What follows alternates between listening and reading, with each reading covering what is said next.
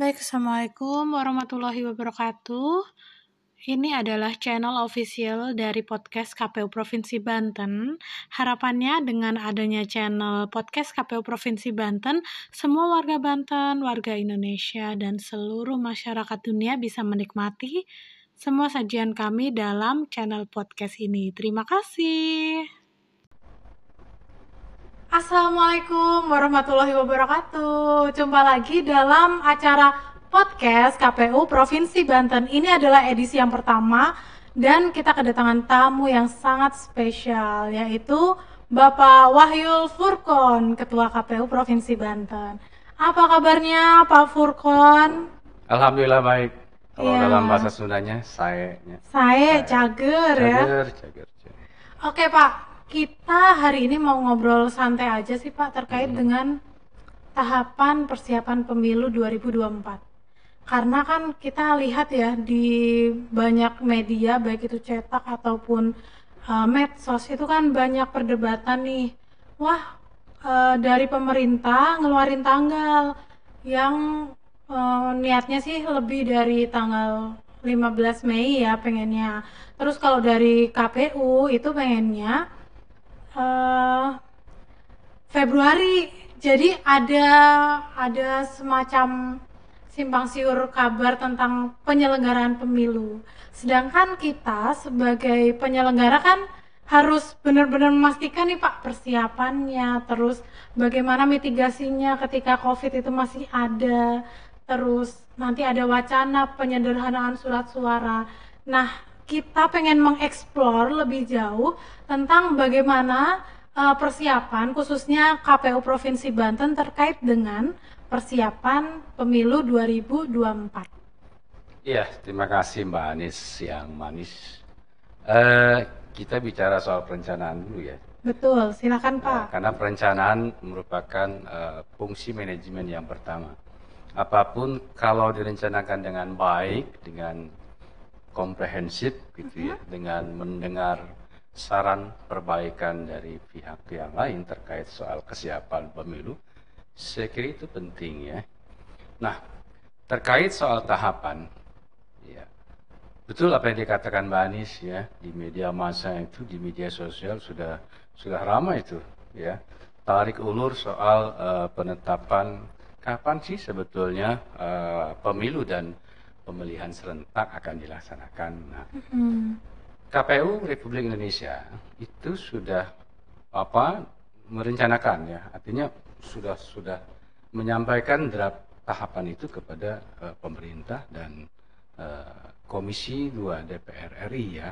betul. Nah, di dalam RDP itu kan juga sudah disampaikan gitu ya. Di mana di situ eh, KPU Republik Indonesia menetapkan bahwa pemilu itu dilaksanakan pada tanggal 21 Februari. Kemudian untuk pemilihan serentak itu akan dilaksanakan di tanggal 27 November 2024 sesuai dengan Undang-Undang Nomor 10 Tahun 2016. Nah, soal kemudian Hmm, ya ternyata eh, pemerintah mengusulkan agar pemilu itu dilaksanakan di bulan Mei. hmm. Ya. Nah itu tuh Pak yang bikin simpang siur infonya kan pemilu kan. Ya, ya artinya bahwa memang masing-masing punya punya dasar hukum ya. Hmm, Nah, tinggal persoalannya nanti tingkat kerentanannya nih. Ya, karena terus terang saja KPU RI menetapkan tanggal pemilihan itu di bulan Februari untuk pemilu itu kan dengan perencanaan yang sangat matang ya. Iya. sudah berdasarkan evaluasi dari pemilu 2019 kemudian 2020 gitu loh. Ya walaupun memang pada akhirnya ah, ini belum deal ya. Ya, tetapi kalau bicara perencanaan KPU sudah merencanakan sangat matang terkait soal tahapan itu. Oke. Gitu, Mbak Anies. Jadi dua-duanya punya dasar, tinggal nanti bagaimana kita ketemu jalan tengahnya ya Pak ya untuk mempersiapkan yang terbaik untuk kontestasi terbesar dalam demokrasi. Kemudian Pak terkait dengan implikasi apa yang nantinya akan terjadi ketika kita itu dalam perencanaan pemilu ini ya masih banyak hal-hal yang belum bisa kita lihat gitu Pak kayak misalnya mitigasi bencana kemudian eh, penerapan penyederhanaan surat suara terus eh, apa namanya dapil dan lain sebagainya, electoral threshold. Nah, itu nanti seperti apa, Pak? Ya, kita kalau mengacu pada Undang Nomor 7 tahun 2017 itu kan uh, reviewnya tidak lagi dilaksanakan ya. Artinya, Mhm. uh, review sudah ditarik dari program legislasi nasional sehingga kita punya pengalaman yang cukup sebetulnya untuk melaksanakan pemilu di tengah pandemik ya karena tadi uh, menyinggung soal soal pandemik ya. Betul. Karena kita memang juga kita juga belum bisa memprediksi, pemerintah juga belum bisa memprediksi kapan akan berakhir itu pandemik 2024. Iya. Jadi Kita masih yang yang tahu. pasti gini Mbak Anies ya, KPU RI berusaha agar proses pelaksanaan pemilihan dan uh, pemilu ya 2024 ini bisa berjalan dengan baik gitu ya. Tentunya memang perencanaan itu harus harus matang dan itu dilakukan oleh KPU RI. Baik, untuk persiapan matangnya nih Pak, kita kan punya semacam eh, jadwal ya Pak, jadwal tahapan pemilu.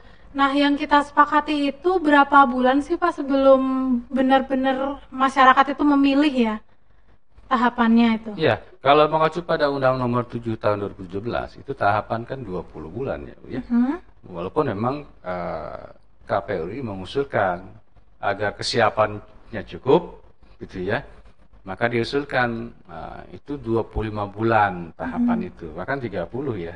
Betul. Ya, ya meskipun itu kan juga tidak diamini oleh pemerintah, maka kemudian harus kembali kepada Undang-Undang Nomor 7 tahun 2017, yaitu 20 bulan untuk tahapan pelaksanaannya gitu. Untuk ini Pak, terkait dengan anggaran persiapan tahapan pemilu. Itu kan banyak sekali masyarakat yang beropini, wah ini pemborosan nih KPU di era pandemi ngabisin uang sekian M, sekian T untuk menyelenggarakan pemilu. Nah ini menurut Pak Wahyu rasionalisasinya seperti apa Pak? Iya, usulan awal itu kan 86 triliun ya. Iya betul. Dan itu pun dengan pertimbangan yang matang. Ya meskipun demikian, ya KPU tidak tidak menutup untuk kemudian adanya eh, rasionalisasi gitu terkait soal anggaran. Makanya beberapa kali rapat itu kan juga tidak belum belum selesai nih ya, belum selesai. Nah, ya ya memang sekali lagi pemilu itu kan memerlukan biaya yang besar. Konsekuensi dari eh, sebuah pemilu kemudian langsung itu memang membutuhkan eh, apa anggaran yang cukup besar dan logis gitu ya. Dan itu dilakukan oleh KPRI. Meskipun saya katakan tadi ya KPU tidak tidak kemudian menutup keran untuk dikritisi gitu ya. Betul. Silakan saja gitu. Yang penting eh, KPU RI gitu ya itu bisa mempertanggungjawabkan bahwa anggaran yang sudah didesain gitu, anatomi anggaran yang sudah didesain untuk pemilu dan pilkada ini sebesar 8 triliun juga sudah berdasarkan eh, hasil analisa kebutuhan gitu loh. Hmm. Ya, persoalan kemudian saat eh, rapat bersama itu dikritisi, ya mau nggak silakan gitu. Ya penting kan KPRI sudah eh, apa merinci dengan utuh gitu ya, Dengan segala bentuk-bentuk analisa jelas gitu ya, kebutuhannya Pak, ya. gitu Hmm. ya. Kalau misalnya nih Pak dengan tahapan yang eh, bulannya itu semakin banyak 25 atau 30 bulan kan berarti konsekuensinya memang anggaran itu dinaikkan ya. Karena dari sini kita melihat bahwa SDM yang terlibat dalam pemilihan itu lebih banyak. Kemudian persiapannya itu juga dihitung dalam konsepsi anggaran tahapan gitu ya Pak. Sehingga memang ada rasionalisasi yang memang harus kita paparkan ke publik. Betul betul, iya. Ya soal terkait dalam setiap TPS berapa sih jumlah pemilih katakanlah yang dari dari awal katakanlah 900 menjadi 700 kemudian menjadi 300 Nah, konsekuensinya akan ada penambahan jumlah sumber daya manusia. Kemudian beban-beban anggaran kemudian logistik juga gitu ya ya sebetulnya rasional gitu ya ya tapi kan apa yang kemudian sudah dikonsep oleh KPU itu kan juga tidak serta merta kemudian diamini juga Hmm. ya jadi wajar kalau kemudian KPU juga menjelaskan secara utuh bahwa posisi eh, kebutuhan anggaran yang dibutuhkan katakanlah eh, jumlahnya sampai triliunan dan itu sudah berdasarkan analisis kebutuhan gitu. Baik. Jadi semuanya rasional ya, apa yang dipaparkan oleh KPU terkait dengan perencanaan penyelenggaraan pemilu itu semuanya sudah dikalkulasikan. Terus Pak, ini yang paling up to date terkait dengan persiapan tahapan pemilu itu adalah desain surat suara. Jadi eh, dari FGD terakhir itu KPU menginginkan ya kita itu menyederhanakan surat suara. Nah, ini menurut Pak Wahyu, itu aspek apa saja yang perlu diperhatikan untuk membuat desain surat suara itu efektif, murah dan mudah untuk diakses masyarakat gitu. Ya, pertama kita coba mengevaluasi dulu ya. Mhm. Di tahun 2019 berapa pemilihan tuh Mbak Anis? Berapa surat suara? Ada lima Ada surat lima suara surat dalam suara, sekali ya. nyoblos. Iya. Nah, kita punya pengalaman yang cukup. Betapa kemudian penyelenggara disibukkan gitu ya. Belum lagi pom-pom yang banyak sekali gitu kan. Maka KPU berikhtiar untuk memudahkan pemilih gitu ya. Kemudian pesertanya juga kan gitu loh. Ya. Ya apa jalan keluarnya? Mencoba untuk melakukan penyederhanaan surat suara. Ya tentunya kalau bicara perubahan itu kan harus harus lebih baik ya. Mhm. Jangan nanti perubahan justru malah eh, membuat sulit gitulah. Nah, KPRI mencoba untuk melakukan inovasi ya. Tentunya juga dengan tidak melanggar aturan gitu ya untuk melakukan penyederhanaan eh, surat suara. Ya katakanlah untuk eh, legislatif, kemudian eh, presiden itu kan satu ya. Jadi dari lima menjadi tiga kan gitu. Betul.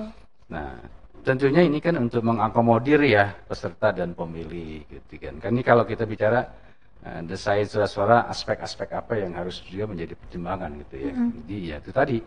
Jadi mengakomodir peserta, kemudian juga pemilih, kemudian juga eh, ya kita melihat sistem pemilu yang proporsional ya, sistem Betul. pemilu proporsional yang terbuka gitu ya. Betul. Kemudian eh, akurat dalam eh, perhitungan kemudian juga sesuai dengan perundang-undangan. Jadi intinya bahwa eh, KPU RI justru ingin eh, menghadirkan ya teknis penyelenggaraan ini dengan baik. Ya salah satunya adalah bagaimana eh, melakukan penyederhanaan eh, surat suara. Tentunya itu juga harus ada masukan-masukan juga dari para penggiat eh, pemilu dan, dan sebagainya.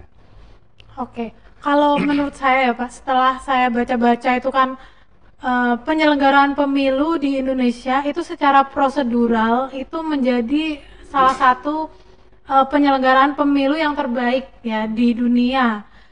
Salah satunya adalah bagaimana mengkoordinasikan pemilih, kemudian peserta dan juga tahapan-tahapan pemilunya. Nah, terkait dengan perubahan desain surat suara ini kita kan bingung ya. Eh, masyarakat biasanya mengasosiasikan nyoblos itu sebagai memilih dalam proses pemilu.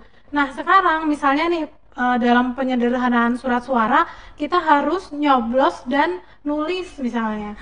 Nah, itu bagaimana tuh Pak? Nanti kan pasti akan ada hambatan, terus penolakan atau sosialisasi yang lebih intensif. Strategi KPU Provinsi Banten terkait ini seperti apa, Pak? Ya, ya setiap perubahan itu kan pasti punya konsekuensi. Betul. Ya, tapi bagaimana kemudian kita me- mencoba memberikan pemahaman pada masyarakat secara utuh gitu ya. Ya, saya bilang tadi kita punya pengalaman yang cukup dalam penyelenggaraan pemilu gitu ya. Di mana banyak suara yang tidak sah juga akibat salah salah coblos dan segala Salah macam. coblos, Ya. nyoblosnya ke pinggiran, Ah, ke gitu. garis, ke luar garis gitu gitu Iya. ya Pak ya, betul betul. Ya paling tidak ini kan upaya ya ikhtiar gitu ya yang ingin eh, lebih menyederhanakan ya bagaimana ya masyarakat di kepalanya itu tidak terbayang hal yang serem-serem kalau datang ke TPS cara memilihnya gimana gitu ya Hmm, kata mencoblos saya kira nggak asing ya betul. coblos nggak asing orang. Kemudian tulis gitu ya. Contreng. Nah, kata kalimat contreng saya kira nggak nggak asing lah buat masyarakat. Nah, tinggal bagaimana eh, sosialisasi yang yang ajak ya yang terus menerus itu dilakukan pada masyarakat. Nah, kalau itu dilakukan dengan serius, ya, saya kira tidak ada hal yang tidak dapat diselesaikan. Ya itu bentuk optimisme kita ya Pak sebagai Memang harus penyelenggara optimis, harus gitu ya. optimis kita. Kita harus optimis bahwa masyarakat itu bisa disosialisasi dengan baik gimana cara menyalurkan aspirasinya melalui memilih. Karena memilih itu hak ya yang harus kita akomodir keberadaannya. Terus Pak, terkait dengan hambatan nih, hambatan eh, yang kira-kira akan terjadi yang bisa kita antisipasi di penyelenggaraan pemilu 2024 itu seperti apa Pak? Tantangannya gitu. Karena kita juga kan ya pemerintah juga juga belum bisa memprediksi kapan pandemi itu berakhir. Ini kan tantangan ya. Ini tantangan berat kita juga. Tapi sekali lagi kita kan punya punya pengalaman yang cukup dalam penyelenggaraan pemilu di tahun 2020 kemarin. Ya alhamdulillah ya dengan berpegang pada prokes gitu ya dan kita terus melakukan sosialisasi pada masyarakat ya, agar tidak takut ketika datang ke TPS. Maka di situ kita simulasikan gitu loh. Ini loh yang harus kita lakukan ketika eh, datang ke TPS kemudian saat pandemik juga gitu kan. Dan itu kita lakukan gitu loh. Nah, kalau kemudian pandemik juga belum berakhir di 2024 saat pemilu pemilihan, saya kira kita punya pengalaman yang yang cukup dan itu harus lebih lebih siap saya kira itu. Lalu bagaimana terkait dengan model tahapan yang dibuat? Tentunya dengan memperhitungkan itu juga gitu. Ya kalau dulu kan di dalam tahapan tidak tidak tidak masuk ya terkait soal uh, penyiapan APD dan segala macam nggak ada. Betul. Nggak ada. Tapi di tahun 2020 itu kan masuk. Ya. Hmm, Itu masuk tuh. Dan saya kira kalau nanti dilaksanakan di 2004 dan pandemik masih juga uh, menjadi hantu gitu ya. Iya. Saya kira ya kita juga harus siap dan punya pengalaman yang cukup. Tapi sekali lagi, sekali lagi eh, ya kita berharap, semua berharap gitu ya, meskipun di tengah pandemik kegiatan eh, pemilihan ini harus eh, bisa berjalan dengan baik. Betul. Jadi kalau saya sedikit tarik benang merahnya, yang pertama itu yang kita siapkan adalah regulasinya ya Pak Ya, ya. regulasi. untuk mengantisipasi segala tantangan untuk penyelenggaraan pemilu di tahun 2024. Terus kemudian sosialisasinya, terus eh, alat-alat atau eh, alat kerja KPU nih misalnya sidalis, sirekap, silon dan lain sebagainya itu untuk mempersiapkan biar eh, proses bekerjanya KPU itu lebih efektif dan efisien. Termasuk dengan surat suara yang disederhanakan ini ya Pak. Iya, ya pada prinsipnya kita harus siap semua gitu. ya. Betul. Nah, terkait soal kesiapan data pemilih, ini kan meskipun tidak dalam tahapan, Mhm. nah ini kan teman-teman KPU Kabupaten Kota terus melakukan pemutaran data pemilih berkelanjutan gitu ya. Iya. Kemudian terkait eh, pendidikan pemilih, ini juga terus dilakukan pendidikan pemilih berkelanjutan. Apalagi kita baru saja kemarin melaksanakan program DP3 Desa Peduli Pemilu dan Pemilihan Serentak tahun 2024. Nah, kita berharap ya dari kegiatan pembekalan kemarin itu kepada eh, kader-kader terpilih yang 25 orang itu akan mem- memberikan output yang bagus gitu lah Betul. ya bahwa masyarakat harus melek politik, masyarakat harus paham betapa pentingnya pemilu dan pemilihan, betapa pentingnya partisipasi pemilih. Karena kita menyampaikan itu bukan hanya untuk mereka, gitu ya. paling tidak eh, mereka yang di kader itu menjadi motor, ya, menjadi motor, Motor gitu di ya. desanya, Menjadi di kelurahannya gitu ya Pak ya. Menjadi speaker lah gitu ya, bahwa eh, dalam rangka mencari amal soleh gitu ya. Betul. Dia juga harus menyampaikan pesan-pesan pengkaderan kemarin tuh, kalau bahasanya pengkaderan ya pembekalan kemarin kepada masyarakat yang ada gitu. Lagi pula kan materinya cukup bagus ya Pak tentang bagaimana teknik komunikasi yang efektif, bagaimana melawan politik uang, meng mensosialisasikan agar tidak terkena berita hoaks gitu kan. Itu merupakan eh, rencana kita ke depan ya agar pemilu itu menjadi gawenya bukan hanya KPU tapi untuk seluruh masyarakat gitu ya Pak ya. Terus Pak, ini yang menarik dari pembahasan kita itu terkait dengan pemilih muda, pemilih eh, pemula yang nanti prosentasenya itu sekitar 50% ke atas. Ini bagaimana strategi kita untuk membuat partisipasi mereka itu mewarnai uh, demokrasi kita gitu Pak. Iya, ini kembali pada pendidikan politik buat pemilih pemula ya. Uh -huh. Kalau yang lalu sebelum pandemik itu kan ada giat uh, yang namanya KPU Gustus kuliah, uh -huh. kemudian KPU Gustus kampus gitu. Nah, di masa sekarang karena pandemik ini agak terganggu, maka yang dilakukan adalah uh, ya tadi daring-daring itu ya. Tapi pada prinsipnya uh, kita harus tetap optimis gitu ya, harus tetap optimis. Ya pendidikan pemilih berkelanjutan harus tetap berjalan gitu ya. Betul. ya. Kemudian bagaimana memainkan media sosial gitu karena saya yakin anak-anak milenial sekarang semuanya punya gadget ya. Mm-hmm. Dan informasi itu mudah untuk kemudian uh, di apa diterima gitu ya. ya. Iya, apalagi soal kemudian bagaimana pemilih pemula ini untuk mendeteksi, untuk melihat, untuk memastikan apakah dia sudah terpilih, apakah dia sudah uh, punya hak untuk memilih, apakah sudah terdaftar, terdaftar sebagai pemilih. Sebagai ah, pemilih. Uh, itu kalau di Banten itu kan hampir empat kabupaten, delapan kabupaten kota ya, mm -hmm. itu mempunyai aplikasi.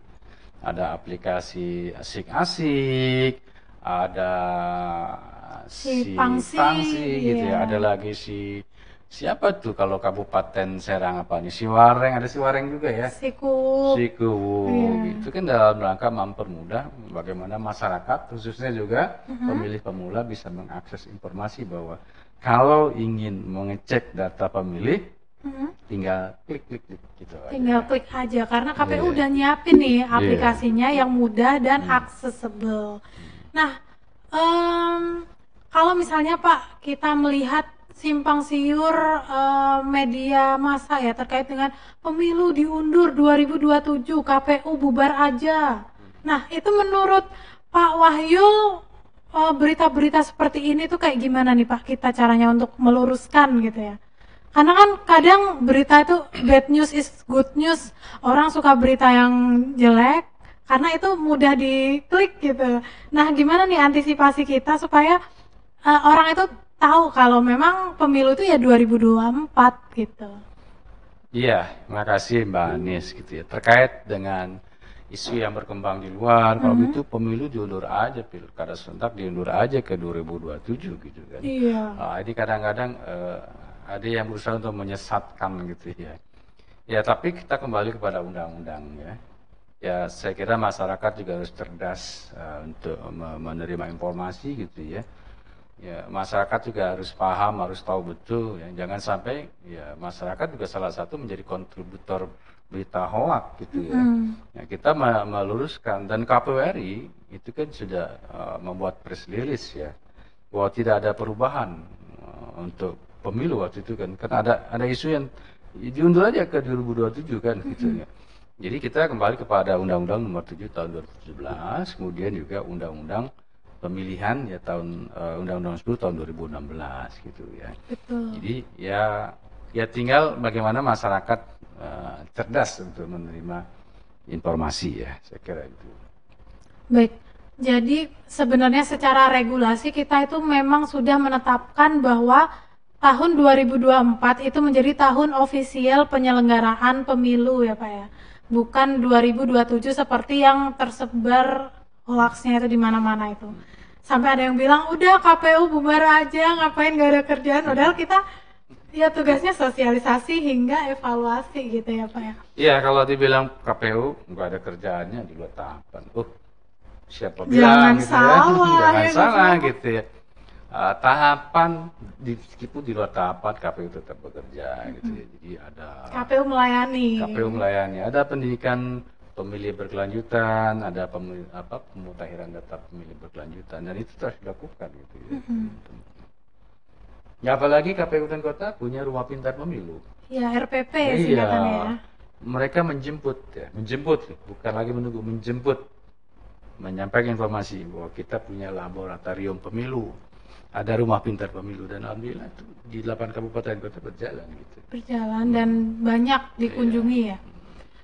Untuk ke depan nih Pak harapan Pak Wahyu terkait dengan bagaimana nanti kontribusi KPU Provinsi Banten untuk mensukseskan agenda besar pemilu 2024 dan pemilihan 2024 itu seperti apa Pak harapannya Pak? Iya, uh, saya kira ini bukan harapan kita aja ya, tapi sebagai penyelenggara dalam kondisi apa pun harus siap. Itu dalam kondisi apa pun. Dan saya sampaikan tadi, kita belum bisa memprediksi kapan pandemik COVID akan berakhir. Betul. Ya. Tetapi kesiapan kita sebagai penyelenggara harus tetap strong ya. Strong. Strong ya. Jadi uh, ya saya berharap pada teman-teman semua KPU Kabupaten Kota dan provinsi harus uh, selalu siap ya dengan ya adanya perubahan apa pun karena kita sudah terbiasa dengan adanya perubahan. Gitu ya. hmm. Jadi bagaimana kemudian kita ingin mensukseskan agar pemilu 2024 dan pemilihan serentak 2024 berjalan dengan baik, maka kesiapan kita sebagai penyelenggara itu kuncinya. Hmm. Ya. Kesiapan kita, kita sebagai penyelenggara adalah kunci kesuksesan penyelenggaraan pemilu gitu ya, Pak. Oke, itu bisa jadi quotes of the day ya. Kuncinya adalah kesiapan kita. Terakhir nih Pak, untuk menutup uh, podcast kita hari ini itu apa nih yang menjadi harapan yang ingin Pak Wahyu sampaikan kepada teman pemilih sebanten se-Indonesia dan yang ada di luar negeri untuk mensukseskan bersama pemilu 2024. Halo, sahabat pemilih, teman pemilih, khususnya teman-teman muda di wilayah Provinsi Banten ya. Sebentar lagi tahapan pemilu dan pemilihan serentak akan dimulai. Maka segala sesuatunya harus kita pahami betul aturan mainnya dan kita sangat terbuka dengan segala informasi. Kita punya uh, jendela informasi. Betul. Kalau dalam bahasa lainnya uh, rumah pintar pemilu ya. Betul. Di situ banyak sekali uh, peraturan perundang-undangan yang bisa diakses gitu ya bisa untuk mengawasi setiap tahapan pemilihan gitu ya. Mm.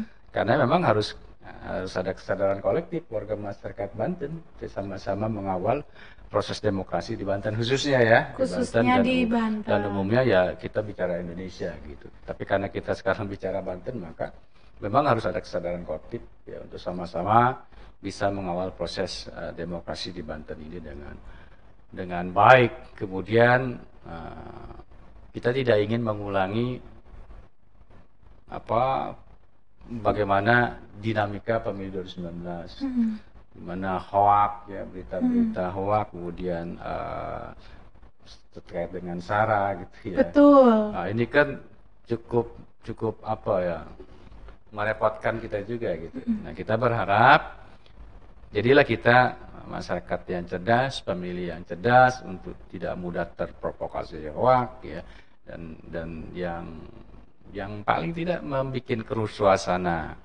di saat nanti pemilihan uh, dan pemilu 2024. Jadi sekali lagi mari kita menjadi masyarakat yang partisipatif ya kita sama-sama mengawal proses demokrasi di Banten ini dengan baik dan jadilah kita menjadi masyarakat pemilih yang bijak, yang mandiri, yang berintegritas. Saya kira Siap. Itu. Luar biasa ya.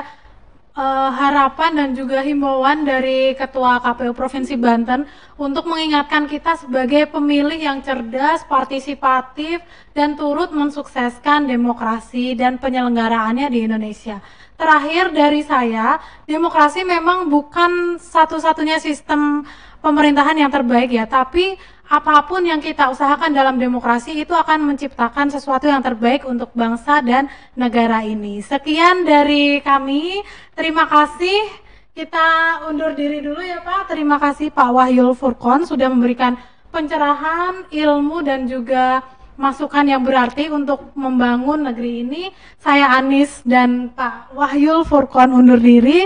Terima kasih. Wassalamualaikum warahmatullahi wabarakatuh. Salam pemilih.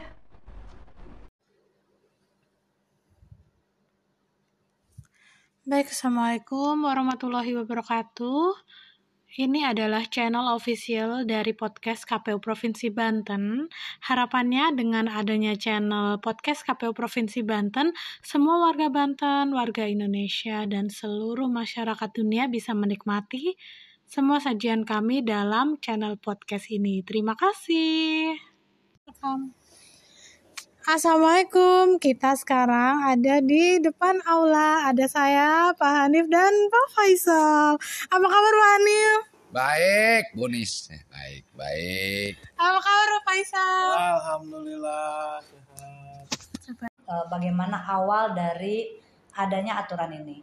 Sebenarnya pertama kali itu kita diatur oleh PKPU nomor 8 tahun 2019 di pasal 90 ayat 1 itu jelas tidak ada larangannya. Ada larangan bagi anggota KPU untuk menjalani kuliah selama tahapan. Kemudian ada juga larangan tidak boleh eh, apa eh, berprofesi lain, tidak boleh berorganisasi dan sebagainya.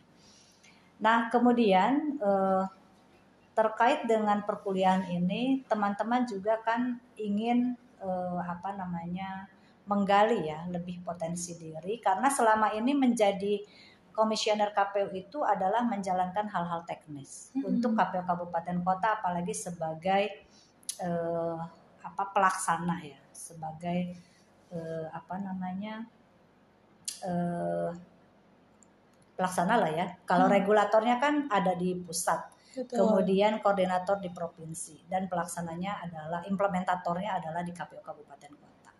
Nah, oleh karenanya eh, teman-teman ini baik dari provinsi maupun kabupaten kota kan ingin lebih meningkatkan kualitas dirinya. Hmm. Tentunya demi kemajuan eh, dari penyelenggaraan dan kualitas ya dari penyelenggaraan pemilu itu sendiri. Nah, diskusinya panjang ya, panjang dari divisi SDM itu terkait hal ini dan eh, pimpinan KPU kemudian eh, apa mengakomodir ya keinginan ini maka terbitlah perubahan-perubahan PKPU mulai dari perubahan PKPU nomor eh, 3 tahun 2020 kemudian PKPU nomor 21 tahun 2020 dan terakhir PKPU nomor 4 tahun 2021 Hmm. Nah, di PKPU 4 2021 inilah kemudian diatur eh, boleh diizinkan perkuliahan dengan syarat-syarat tertentu.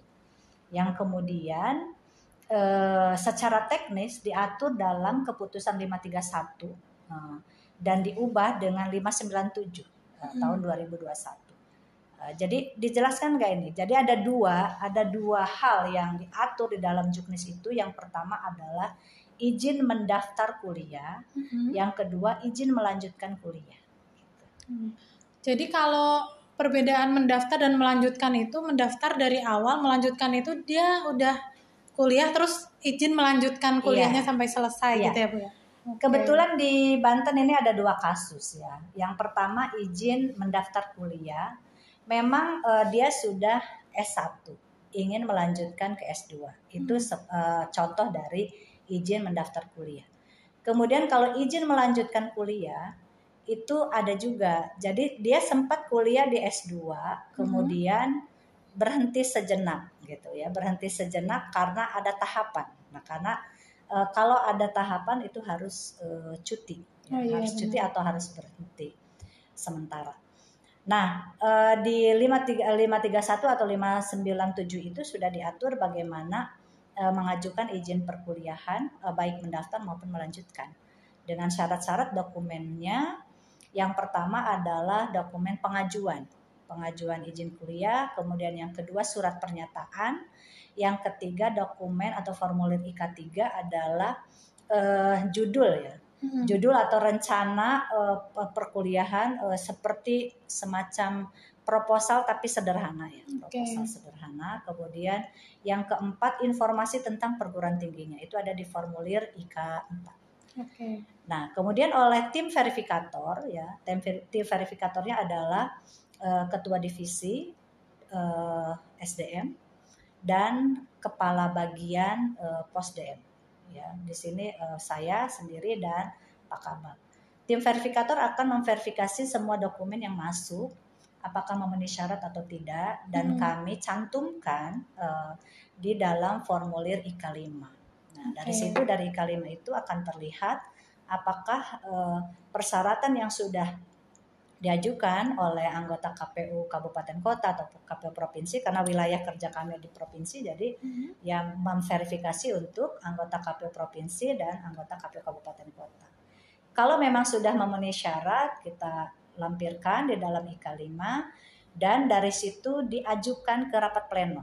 Gitu, Oke. Diajukan ke rapat, rapat pleno untuk disetujui pengajuannya. Jadi disetujui pengajuannya dalam rapat pleno.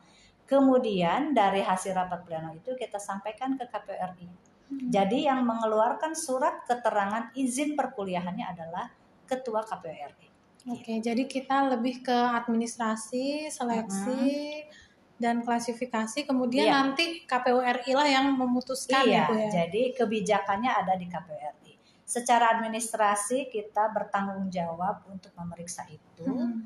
Eh, dan bagi yang melanjutkan, eh, kita diberi kewenangan, ya kami diberi kewenangan sebagai tim verifikasi untuk mengawasi eh, atau memonitor apakah memang proses melanjutkannya sudah berjalan atau belum. Sampai di mana misalnya kalau sudah semester 3, apakah sudah mengajukan proposal apa namanya tesisnya dan Mhm. sebagainya. Jadi perkembangan perkuliahannya juga harus dipantau oleh tim verifikasi. Jadi saya sudah melebihi tim dosen ya, Oke, tim Ah, pembimbing. iya kayak profesornya gitu ya. ah, profesornya. Layak nggak nih kuliah lagi gitu kan?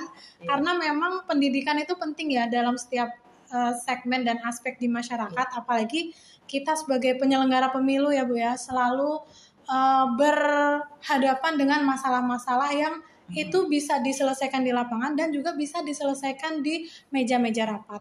Jadi kalau nggak ada aspek intelektual yang melingkupinya itu bisa repot gitu ya Nah, ya. itu dia. Apalagi kan KPU ini eh, walaupun KPU bekerja di bidang administrasi politik, tapi Hmm. kita kan menghadapi bagaimana situasi politik yang sangat berkembang, Mhm. yang sangat dinamis dan itu harus diikuti dengan intelektualitas eh, para penyelenggaranya, Betul. termasuk di situ komisionernya. Nah, kalau misalnya KPU RI saja kesekjenan itu menyelenggarakan eh, beasiswa bagi eh, pegawai KPU, kenapa komisionernya tidak? Gitu. Nah, gitu Nah, Ini ya. kan harus ada persamaan eh, apa hak, Hak ya, ya. bagi manusia. Nah, Betul. Terus Bu, eh, ini untuk maksud dan tujuannya ya. Tadi Iya. kan sudah Bu Im jelaskan tipis-tipis, detail-detailnya udah ada.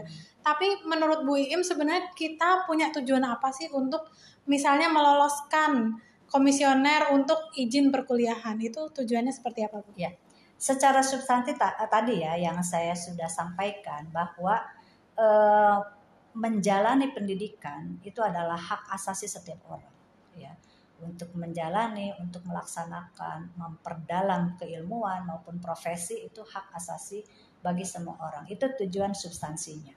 Hmm. Kemudian yang kedua, kenapa izin ini tetap harus diatur? Diperbolehkan tapi tetap harus diatur. Karena memang kalau tidak diatur bisa jadi nanti keasikan kuliah sementara tugas pokoknya diabaikan. Oke. Nah, sedangkan di KPU itu kan eh, sudah menyatakan bekerja penuh waktu. Nah, makna bekerja penuh waktu ini dalam tahapan dia harus eh, full ya. Eh, bahwa dia sebagai KPU, sebagai komisioner harus bertanggung jawab terhadap proses tahapan yang sedang berlangsung. Nah, kenapa di satu sisi eh, boleh di eh, kuliah dalam eh, rangka tadi ya untuk memperdalam keilmuan, memperluas eh, jaringan dan sebagainya. Tetapi ingat gitu, eh, Anda ini sebagai penyelenggara KPU, penyelenggara pemilu, meskipun dibolehkan kuliah, ada hal-hal yang harus diperhatikan. Nah, makanya kenapa dibuat eh, juknis atau eh, keputusan ya tentang 597 ini untuk mengatur itu.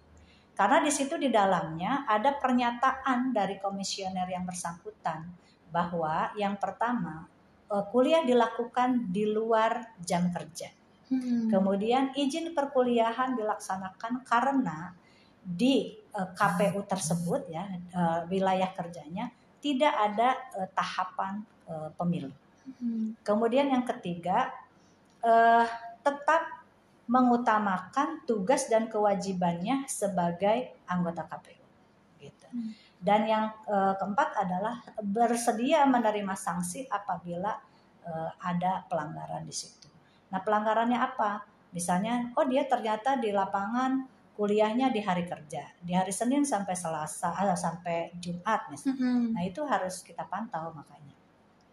Nah, eh, surat pernyataan itu dibuat di atas materai, diajukan dan dinyatakan di dalam proses verifikasi kami dengan sungguh-sungguh. Nah, karena eh, sekarang ini tidak ada, belum ya, bukan tidak ada, belum ada tahapan, maka ketika ada mm, empat ya, empat komisioner yang mengajukan, eh, saya sebutkan ya, yang Boleh, mana ya. boleh. Eh, seperti di Kabupaten Tangerang itu ada Bu Ita Nurhayati, kemudian di eh, provinsi ada Pak Masudi, Mhm. kemudian di Tangsel ada Pak Zen Ahmad Mujahid Zen ya, kemudian ada Bu Heni. Nah Oke. Bu Heni ini adalah komisioner PAW, ya, PAW. pengganti an- eh, penggantian antar waktu dari Pak almarhum Bambang ya ketua KPU Tangsel. Nah untuk Bu Heni memang surat izinnya agak panjang. Jadi kalau mau diceritakan di sini ya lumayan agak panjang. ceritanya panjang. Eh, ceritanya Teman panjang. pemilih kita Nah, simak gitu. aja ya, tipis-tipis ya. Eh, gitu ya. Boleh. Mau lanjut? Boleh. Boleh ya. Jadi supaya enggak tanggung nih eh, pendengar yang melihatnya atau yang menyaksikan podcast ini. Jadi kenapa Bu Hen itu bisa agak panjang? Pertama eh, di tahun 2021 Bu Heni itu dilantik ya Mhm. eh, PAW menjadi anggota KPU. Pada saat itu aturan mengenai eh, boleh kuliah sudah mulai muncul ya di PKPU-nya sudah ada lah tanda-tandanya hilalnya sudah ada kata teman-teman tetapi kemudian juknisnya belum ada Hmm. Nah itu sudah kami sampaikan kepada Bu Heni pada saat verifikasi ketika dia mau jadi PAW nah tetapi kemudian Bu Heni luput dengan itu Eh, jadi dia langsung mengikuti kuliah, nggak ada cuti dan tidak ada izin eh, berhenti dan sebagainya. Bahkan informasi ke KPU juga tidak ada, Oke. gitu ya. Kan kami tidak tahu kalau dia sudah kuliah lagi. Itu masuk semester 3. Dan ternyata di aturan di Unpamnya itu di kampusnya ada aturan bahwa untuk semester 3 dilarang mengajukan cuti. Oke, Nah. jadi itu ya poinnya Bu ya. Karena ada dilema seperti itu, maka Bu Heni tetap melanjutkan eh, kuliah itu di semester 3. Nah, tiba-tiba eh, 531 ini muncul di bulan Agustus Mhm. yang menyatakan bahwa harus eh, mengajukan cuti dulu gitu. Sedangkan proses itu tidak. Jadi Bu Heni izin eh, melanjutkan kuliah. Nah, ketika kita tilik gitu ya Mhm. prosesnya Wah ini Bu Heni sudah menjadi anggota selama bulan Februari itu ya, dari Februari sampai ke bulan eh, Agustus karena semester 3 itu hitungannya seperti itu. Nah tapi kemudian kami harus melakukan pengawasan internal. Jadi Hmm. ada proses pengawasan internal yang melibatkan divisi hukum juga karena ini sudah penanganan diduga ya ada dugaan eh, pelanggaran fakta integritas bahwa dia tidak bekerja penuh waktu dan sebagainya. Hmm. Nah, padahal kami yakin bahwa ketika Bu Heni diangkat itu tahapan pemilu serentak 2020 sudah selesai. Betul. Iya, sudah selesai. Jadi tidak mengganggu tahapan dan memang pada kenyataannya Bu Heni eh, melaksanakan itu. Kemudian yang kedua, kuliah pun dilaksanakan secara daring. Nah, jadi Hmm. eh, kemudian kami melakukan eh, apa namanya?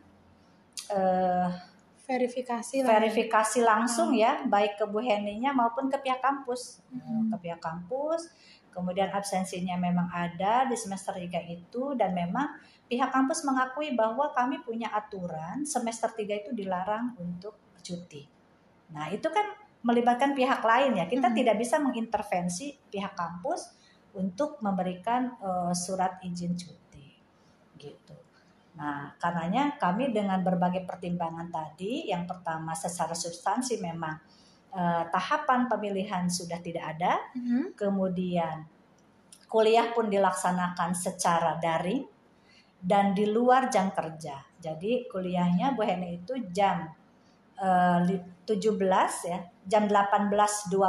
Jadi jam berapa itu 18.20? Habis Habis maghrib. maghrib ya. Iya, benar. hari Jumat dan hari Sabtu. Jadi kan memang sudah selesai. Eh, kemudian tidak ada pelanggaran yang substantif ya terkait dengan kode etik maupun kode perilaku maupun fakta integritas. Jadi kami eh, merekomendasikan untuk direhabilitasi ya. Jadi Oke. rehabilitasi. Tetapi prosedur pengawasan internalnya sudah kami lakukan tadi ya dengan langkah-langkah itu. Pertama memanggil Bu Heni, mengklarifikasi, kemudian yang kedua kami juga mendatangi pihak kampus. Dan pihak kampus alhamdulillah welcome kepada kami dan menjelaskan apa adanya peristiwa yang sudah dilakukan.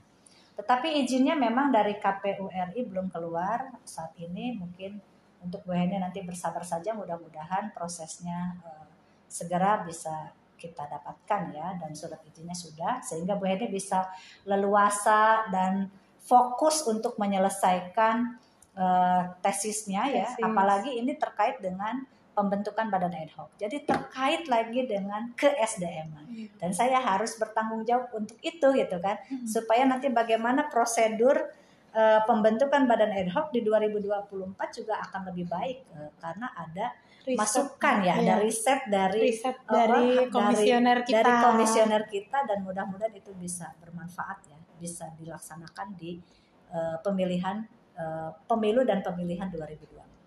Begitu. Jeng Anis. Oke, luar biasa ya. Berarti kalau kita capture dari ceritanya Bu Heni dan perjuangannya itu kita melihat bahwa komisioner memang aktual ya ketika mereka menulis tesis ya mereka menulis apa yang di assessment menurut mereka kebutuhan eh, apa namanya penyelenggaraan pemilu nih misalnya ad hoc terus tahapan eh, dapil dan lain sebagainya. Tapi Bu dari eh, kalau total komisioner di Provinsi Banten itu kan sekitar 47 ya. 47. Iya, berarti 47, lah 40 kabupaten kota dan 7 provinsi. Iya. Tapi yang mendaftar dan izin kuliah ini hanya empat orang gitu. Apakah memang eh, komisioner kita itu sudah kuliah lagi ya, sudah magister, sudah doktor atau memang belum sempat nih Bu untuk izin lagi gitu, Iya. izin kuliah gitu. Yang sudah melakukan proses dan keluar izinnya tadi ya sudah empat orang. Dan kemarin baru saja kami juga melakukan verifikasi kepada satu orang lagi Pak Munawar KPU Pandeglang. Jadi semua totalnya ada lima Oke, ada lima. Ada ya, lima. dari 47. Alasannya tentu yang pertama eh, ada juga banyak ya lumayan banyak beberapa dari kami dari komisioner di eh, wilayah provinsi Banten ini kan sudah S2. Hmm. Kalaupun mau eh, melanjutkan ke S3 sepertinya kan butuh fokus waktu yang lebih banyak ya. Karena memang meskipun tahapan pemilu 2024 masih gonjang-ganjing ya Hmm. penetapan waktunya, tapi tetap kita harus fokus kepada eh, tahapan persiapan. Betul. Pertama itu. Kemudian pertimbangan yang kedua menurut teman-teman gitu yang kami sampaikan karena eh, ini sudah kami sosialisasikan katanya tanggung Bu kalau eh, mengajukan juga. Jadi Hmm. baru kuliah semester 1 kemudian tiba-tiba harus eh, cuti gitu. Cuti. Jadi pertimbangannya itu saja karena memang tidak adanya kecukupan waktu bagi kami ya bagi teman-teman untuk uh, fokus uh, kuliah karena memang harus berbagi waktu ya terutama untuk persiapan gitu. Oke, luar biasa ya. Terus ya teman-teman, eh, kita melihat bahwa budaya kerja di KPU itu kan tidak seperti ASN biasanya ya. Kita eh, hampir-hampir tidak punya tanggal merah, Hmm. apalagi ketika lagi Tahapan. tahapan. Nah, ketika kita melihat fenomena spirit eh, komisioner untuk kuliah lagi, kemudian beban kerjanya banyak, Yes. tahapannya juga rapat gitu ya, sampai 25 bulan sebelum hari H pencoblosan misalnya, itu masih ada semangat untuk menggali dan memperbanyak ilmu. Tapi di sini yang pengen saya tanyakan sebenarnya urgensinya apa sih Bu untuk eh, izin perkuliahan ini diatur untuk komisioner. Jadi urgensinya itu apa gitu? Iya, tadi seperti yang saya sampaikan, bahwa pendidikan itu sangat penting ya. Apalagi misalnya riset yang dilakukan oleh anggota KPU itu sangat menunjang untuk eh, proses penyelenggaraan pemilu karena termasuk kepada syarat ya. Hmm. Di situ syaratnya adalah judul eh, yang akan disampaikan pada tesis, disertasi atau skripsi misalnya bagi yang belum selesai S1-nya itu harus yang berkenaan dengan penyelenggaraan pemilu. Nah, ini tentu sangat penting.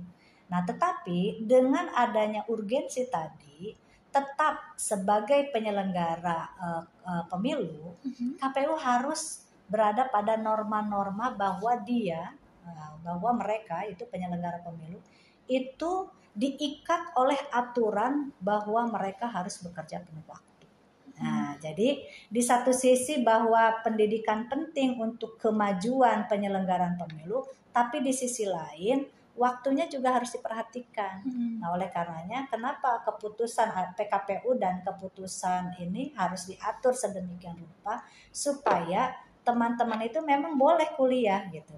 Tetapi kuliahnya syarat-syarat tadi, dia lebih mengutamakan kepentingan eh, pekerjaannya ya Mhm. berkomitmen untuk tetap eh, apa sebagai penyelenggara pemilu, tetapi dia juga boleh gitu dalam rangka tadi untuk memperdalam eh, apa namanya keilmuannya. Keilmuannya. Iya, yang tetap eh, itu juga dalam koridor memajukan eh, penyelenggaraan ya, Hmm. Eh, apa namanya tata kelola pemilu.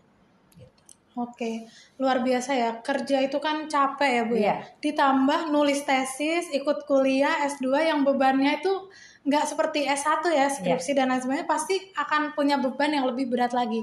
Nah, kemudian tantangannya apa nih, Bu, untuk membuat spirit komisioner untuk belajar dan mencari ilmu lagi itu semakin maksimal gitu. Iya, Eh, memang gini, ketika saya mensosialisasikan peraturan eh, 8 2019 itu banyak yang uh hahu gitu kan. Iya, banyak yang Gimana ini Bu cuap-cuap gitu kan. ya. Kok kuliah aja nggak boleh gitu. Jadi hak-hak kita itu sudah eh, dirampas gitu kan, setengahnya dirampas lah. Hak gitu. kita sudah Ah. dirampas ya. gitu. Jadi hak untuk memperoleh pendidikan itu sudah dirampas gitu. Nah, tetapi kemudian ketika peraturan ini dikeluarkan dengan syarat-syarat yang terikat tadi, Mhm. nah ini juga kemudian eh, agak melemahkan spirit itu ya karena memang tadi ya eh, tarik jadi ada istilah tarik ulur ya di diulur boleh tapi kemudian masih tetap diikat gitu Iya. ditarik Kayak layang-layang. Ah, jadi tetap ya seperti itu Iya. Nah, eh, jadi apa tadi pertanyaannya? Jadi sampai lupa ya. Tantangannya Tantangannya eh, banyak yang kemudian akhirnya komisioner itu ya sudahlah bu, baru juga semester satu nanti sudah harus cuti gitu. Jadi nanggungin ya. Kemudian kalau pembiayaan sih tidak terlalu terdengar ya karena memang kan kalau pembiayaan juga eh, mungkin mereka eh, kalau untuk pendidikan insya Allah lah pasti akan ketemu ya biayanya. Yang pertama sih pertama pertama kali tantangannya adalah itu mengatur waktunya. Hmm. Apalagi misalnya kalau tahapan itu dimulai eh, 25 bulan. bulan ya. Tetapi kemudian di 597 eh, kalau di 531 itu perbedaannya em, bersedia mengajukan cuti eh, sebelum dimulainya tahapan. Mhm. Nah, tetapi di 597 ini akhirnya diperbaharui bersedia mengajukan cuti saat tahapan dimulai. Gitu. Jadi Oke. kalau memang sudah ada tahapan Mhm. eh, sudah digaungkan bahwa tahapan pemilu itu sudah dimulai, maka saya harus menerima eh, permohonan eh, izin eh, apa permohonan pengajuan cuti ya dari Hmm. masing-masing yang tadi kuliah gitu. Oke, kalau saya tarik garis eh, besarnya mungkin seperti ini ya Bu. Ada regulasi yang mengatur izin komisioner, tapi juga komisioner itu diwanti-wanti untuk tetap eh, pada eh, amanatnya sebagai Iya. komisioner untuk menjalankan tugas-tugas Mhm. kepemiluan gitu ya Bu. Terus eh, harapan Bu Ikim nih terakhir yang Iya. menjadi catatan kita ya nanti ya. Harapan agar izin perkuliahan ini bisa menjadi angin segar bagi eh, tata kelola pemilu di Indonesia. Ya, Eh, jadi gini, eh, supaya ada keseimbangan ya. Karena memang eh, di kesekjenan itu untuk pegawai itu kan diberikan beasiswa ya, beasiswa tata kelola pemilu S2 eh, bagi pegawai yang berprestasi tentunya melalui eh, seleksi. ya. Nah, kalau ini kan KPU komisionernya berbiaya sendiri gitu. Oke, Ya, biaya Mas sendiri ya, berbiaya ya. sendiri, kemudian eh, hanya eh, membutuhkan izin saja gitu, Hmm. Eh, izin. Tem- kemudian diikat lagi oleh aturan eh, tetap mengutamakan tugas dan kewajibannya, karena kita kembali ke regulasi bahwa KPU itu eh, apa namanya eh, bekerja penuh waktu. Ya, jadi harapannya tentu kepada para komisioner yang sudah mengajukan eh, apa namanya izin kuliah ini manfaatkanlah waktu sebaik-baiknya supaya kita bisa eh, apa lulus dengan eh, target waktu yang sudah ditentukan. Kalaupun cuti kan bisa eh, dalam waktu satu tahun itu sudah eh, cuti, tetapi kemudian kerangka berpikir untuk menyelenggara untuk menyelesaikan studi terkait dengan tesis atau disertasinya itu sudah dipersiapkan dengan matang. Oke, luar biasa ya. Biaya sendiri, izinnya juga diatur dan harus mau cuti untuk mengutamakan tugasnya sebagai komisioner atau Itulah anggota. tantangan penyelenggara KP, penyelenggara pemilu ya, terutama Oke. komisioner KPU. Nah, teman pemilih, kalau kita lihat ya, eh, kita tilik mulai tahun 2002 misalnya ya, di tata kelola kepemiluan di Indonesia itu kan sebenarnya dipimpin oleh seorang intelektual dan juga seorang ketua KPU. Jadi beliau merangkap eh, menjadi dua dua peran ya. Kayak misalnya Pak Ramlan Surbakti itu kan seorang profesor iya. Seorang ketua KPU yang merancang sistem pemilu di Indonesia. Nah dengan spirit itu kalau kita tarik pada dunia kekinian kita berharap komisioner-komisioner KPU itu adalah orang-orang yang punya daya intelektualitas yang tinggi serta punya dedikasi yang tinggi untuk kemajuan tata kelola pemilu di Indonesia. Karena menurut para ahli memang tata kelola pemilu di Indonesia itu secara prosedural memang terbaik di dunia ya termasuk eh, dalam papan atas tata kelola pemilu yang terbaik di dunia. Nah, mungkin itu dulu kita jadikan ini sebagai santapan yang edukatif ya untuk kita teman pemilih. Saya Anis undur diri. Terima kasih Bu Iim atas Sama-sama. ilmunya dan eh, macam-macam pengetahuan baru itu. Kita undur diri dulu. Terima kasih. Wassalamualaikum warahmatullahi wabarakatuh. Salam Waalaikumsalam warahmatullahi wabarakatuh.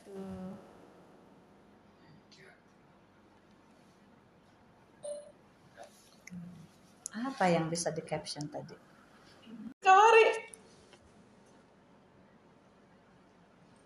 Baik, Assalamualaikum warahmatullahi wabarakatuh, teman pemilih. Sekarang kita ada pada segmen podcast KPU Provinsi Banten.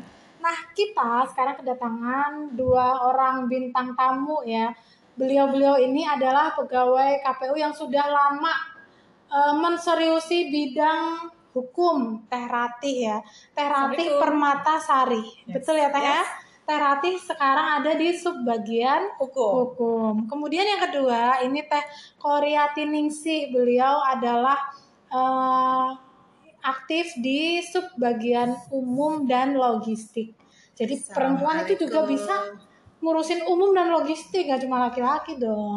Tuh. Cuman di sini kita mau bahas hal yang simpel-simpel aja ya teman pemilih ya Oke. tentang tahapan kuliner dan sekitarnya. Nah pertama nih kita mau ngomong tentang eh, KPU itu kan pekerjaannya dia bisa extra time, overtime ya, dan kita butuh eh, dukungan suplai energi yang banyak tentunya. Salah satunya caranya itu dengan jajan makan di luar dan lain sebagainya. Nah, Teh Rati ini karena beliau itu asli Serang, kita tanya-tanya aja dulu tentang eh, kuliner apa yang cocok buat menemani aktivitas di KPU.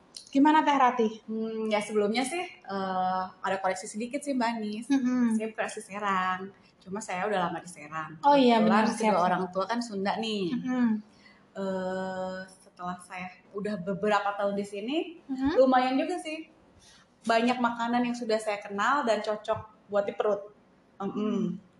Jadi menurut saya makanan yang di Banten itu the best banget.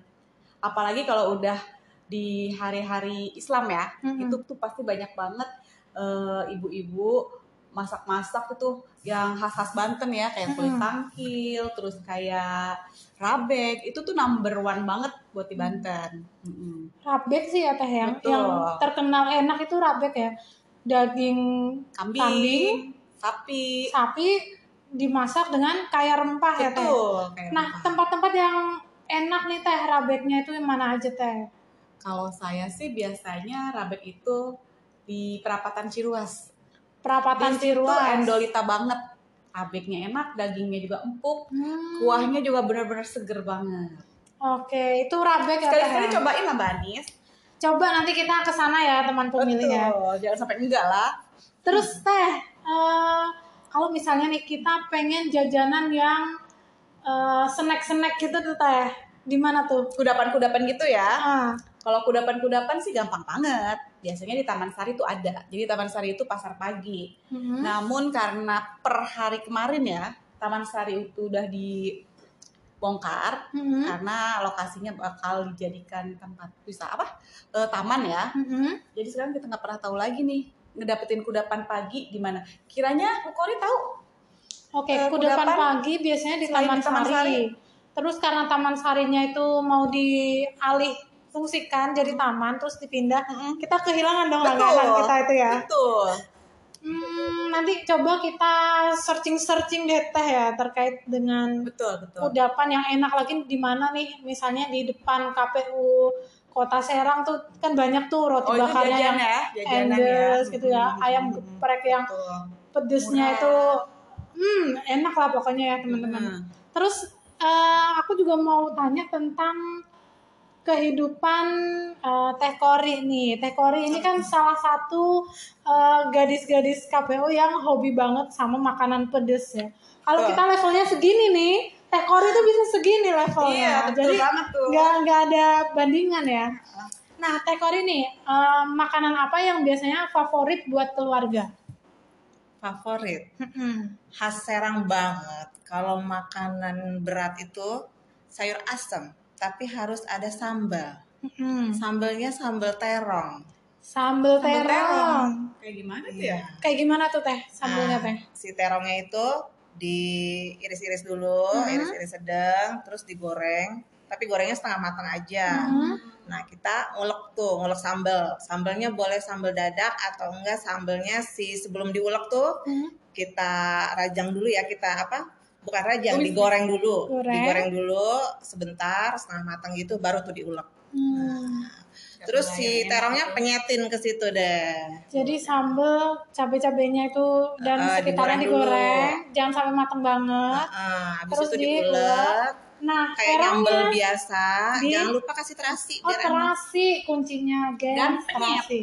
Di penyet. Dadakan. Terasi, iya, Nggak boleh dadakan. nyam, nyambelnya kemarin, makanya sekarang itu Oh, nggak enak ya. Nah, nggak enak Mengurangi kenikmatan pastinya.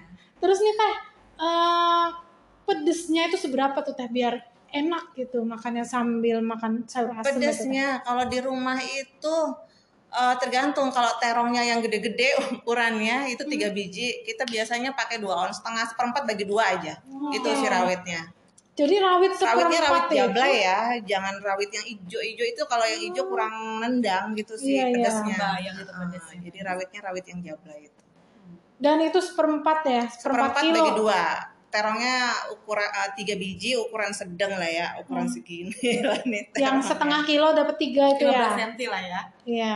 Eh, eh, biasanya 15 satu lah ya. Emang kalau ibu-ibu tuh presisi ya, sentimeternya itu harus dihitung. Kilogramnya itu harus dihitung. Santai. Itu terkait sama postur anggaran rumah tangga ya. Itu utamanya. Terus Ekonomis. nih, ekonomis. Terus nih teh untuk teh Ratih dan teh Kori nih, kan kita itu sebagai perempuan yang bekerja di luar rumah itu kan kita juga harus memastikan keluarga kita itu makannya tetap enak, bergizi dan sehat. wajib itu Nah, tips apa yang misalnya nih teh teh Ratih eh, bisa disampaikan ke teman pemilih supaya kita itu bisa menyiapkan makanan yang sehat nih untuk anak-anak kita. Oke betul karena kita wanita karir otomatis eh, waktu itu benar-benar sangat sangat sangat sangat wah eh, Harus kita diatur atur ya, banget benar. dong. Jadi bagaimana caranya bisa memasak praktis tapi bergizi? Mm-mm. Biasanya sih saya sederhana aja, simpel. Eh, yang harus utama itu tiap pagi saya sediakan anak-anak biasanya telur. Hmm. Telur juga bervariasi, gimana maunya anak-anak. Yang Hmm. penting kan ada sumber protein di situ. Yang kedua sayur, karena sayur itu yang mengandung serat ya, Mm-mm. dan bisa ngademin ke perut juga. Yang penting sih itu aja kalau menurut saya sayur apa eh, sayur dan eh, proteinnya dari Protein. telur. Itu al- alhamdulillah anak-anak suka banget. Hmm, Jadi Teh Rati anaknya suka Menu makan telur ya. Betul. Telur Karena itu selain proteinnya tinggi, rasanya gurih-gurih nyoy gitu ya. Dan anak-anak itu semuanya suka. Iya, Simple lagi ya Setiap bikinnya. orang suka, nggak cuma anak-anak ya. ya. Mm-mm. Hmm. Kalau Teh Kori nih, tipsnya untuk teman pemilih yang bekerja eh, di luar rumah ya, penuh waktu nih kayak kita. Itu gimana tipsnya supaya keluarga itu tetap makan enak dan sehat? Kalau lagi nggak ada pemilu, kantor kita kan masih cenderung normal lah ya, Mhm. pulangnya paling lama maghrib lah gitu pulangnya. Jadi pagi tuh kita masih bisa masak-masak. Pagi tuh pasti harus ada lauk, sayur, buah. Itu Mhm. pagi. Nah, jadi mereka makan sayur tuh pagi. Kalau siang saya udah nggak ada. Hmm. Nah, kebetulan anak-anak nggak suka kalau makan sayur anget-angetan. Hmm. Jadi kalau siang mereka cuma eh, bikin telur sama kayak Buratih tadi, cuma bikin telur. Kebetulan anak yang gede udah bisa masak sendiri, Oke, anak Jadi- yang gede umur berapa teh? Udah 16 tahun. Oh, Udah 16 tahun SMA. ya. Hmm, udah Masak SMA. sendiri. Jadi dia bisa goreng-goreng telur sendiri. Hmm. Pokoknya telur itu wajib harus ada di rumah untuk dia makan siang. Di saat pandemi kan sekolah masih daring ya, Mm-mm. gitu. Nah, nanti untuk makan malam biasanya kedua saya yang Hmm. beli eh, beli atau eh, sambil menunggu saya pulang kerja itu biasanya mereka nyemil buah-buahan. Oke. Itu wajib kalau buah-buahan harus selalu ada. Daripada ngemil micin ya teh, yang mending ngemil buah-buahan. Iya, ya. itu wajib kalau nggak ada buah itu mereka teriak-teriak. Hmm. Seperti kehausan begitu ya. mana? Habis. Nagih, nagih, nagih. Oke, Keren. kita stop dulu. Baik, eh, tadi kan Teh Kori udah menjelaskan ya tentang eh, masakan yang harus dipersiapkan, kudapan yang harus disiapkan di rumah, begitupun juga dengan Teh Rati. Nah, misalnya nih ketika kita pengen jajan keluar ya Teh ya, tempat mana sih yang recommended dan jajanan apa yang paling eh, teteh suka nih terkait kalau kita misalnya pengen makan di luar aja dia capek gitu kan Betul. Nah, itu gimana teh Kebetulan kalau di hari kerja dan anak-anak sekolah, eh, kita biasanya cuma makan di rumah ya. Hmm. Cuma sekali-kali kan kita bosan, kita pengen boleh dong pergi Hmm. makan di luar sama keluarga, quality time gitu. Paling kita agak jauh sedikit sebenarnya. Kita makan pecak bandeng, Hmm. murah, enak dan tempatnya cozy banget. Itu ada di Taman Ujung Kulon. Itu tepatnya keluar dari Cilegon Barat ya. Hmm. Di situ recommended banget. Eh, sambalnya enak, eh, kakapnya juga lumayan dan anak-anak pastinya suka. Hmm. Eh, kalau untuk malam biasanya itu gimana anak-anak, anak-anak lagi pengen makan apa dan kebetulan rumah saya juga deket banget dengan pusat kuliner, Hmm. Eh, jadi sangat memudahkan sekali. Hmm. Eh, kalau misalkan pengen bubur ayam ada di situ, paling hanya berjarak satu kilometer dari rumah. Oke, jadi emang tempat. Teh Rati ini strategis, banyak kuliner, jadi tinggal pilih aja ya. Betul. Apalagi jajanan malam kan banyak. ya. Betul. Tadi sekali. pecak bandeng ya teh yang favorit ya untuk jajan di luar itu letaknya di keluar tol Cilegon Barat Betul. namanya Taman Ujung Kulon. Kayaknya kita pernah ditraktir ya di situ ya. Oh Teh? betul. Oke, luar ulang tahun kita ya ya. Korea. Kita nih sering nih ditraktir nih sama mereka berdua nih teman pemilih emang Betul. luar biasa menggenutkan di KPU tuh ya. Yang penting bahagia. Betul kan Manis? Betul banget, yang penting bahagia. Terus kalau Teh Kori nih, tempat jajanan atau tempat kulineran favorit keluarga nih di mana? Hmm, karena anak-anak saya udah pada besar, Hmm. Mereka bosen ya dengan menu rumahan karena dari hari Senin sampai Jumat mereka makannya kan menu rumahan. Hmm. Jadi kalau minta makan keluar itu pasti nyarinya junk food. Nah, tempat favorit mereka itu biasanya di Pizza Hut. Oh, Oke, berarti makan pizza. biasanya ya Lucu senangannya kayak ya. gitu-gitu Ah, namanya udah ABG kan bisa gitu. memilih ya. tapi kalau misalkan lah udah bosen juga Mhm. udah keseringan ke situ biasanya mereka sama nih kayak terati pengennya pecak bandeng cuma Oke. kalau favoritnya kita pecak bandengnya di sawah luhur Sawah luhur itu yang tempat penangkaran bandeng juga itu ya? Eh, yang belok kanan tapi sawah luhurnya jadi yang ada saung-saung yang ada saung-saungnya gitu kalau kita Mm-mm. Emang di Banten itu yang terkenal itu bandeng ya, olahan bandeng ya. Betul. Sate bandeng, pecak bandeng, Yang apa bebek? Teh? Bebek. Bebek. Nah, kalau bebek nih Teh yang paling favorit makan bebeknya itu di mana? Entah itu gerem asem bebek atau bebek goreng whatever lah ya. Itu. Coba kita cut dulu. Sebentar.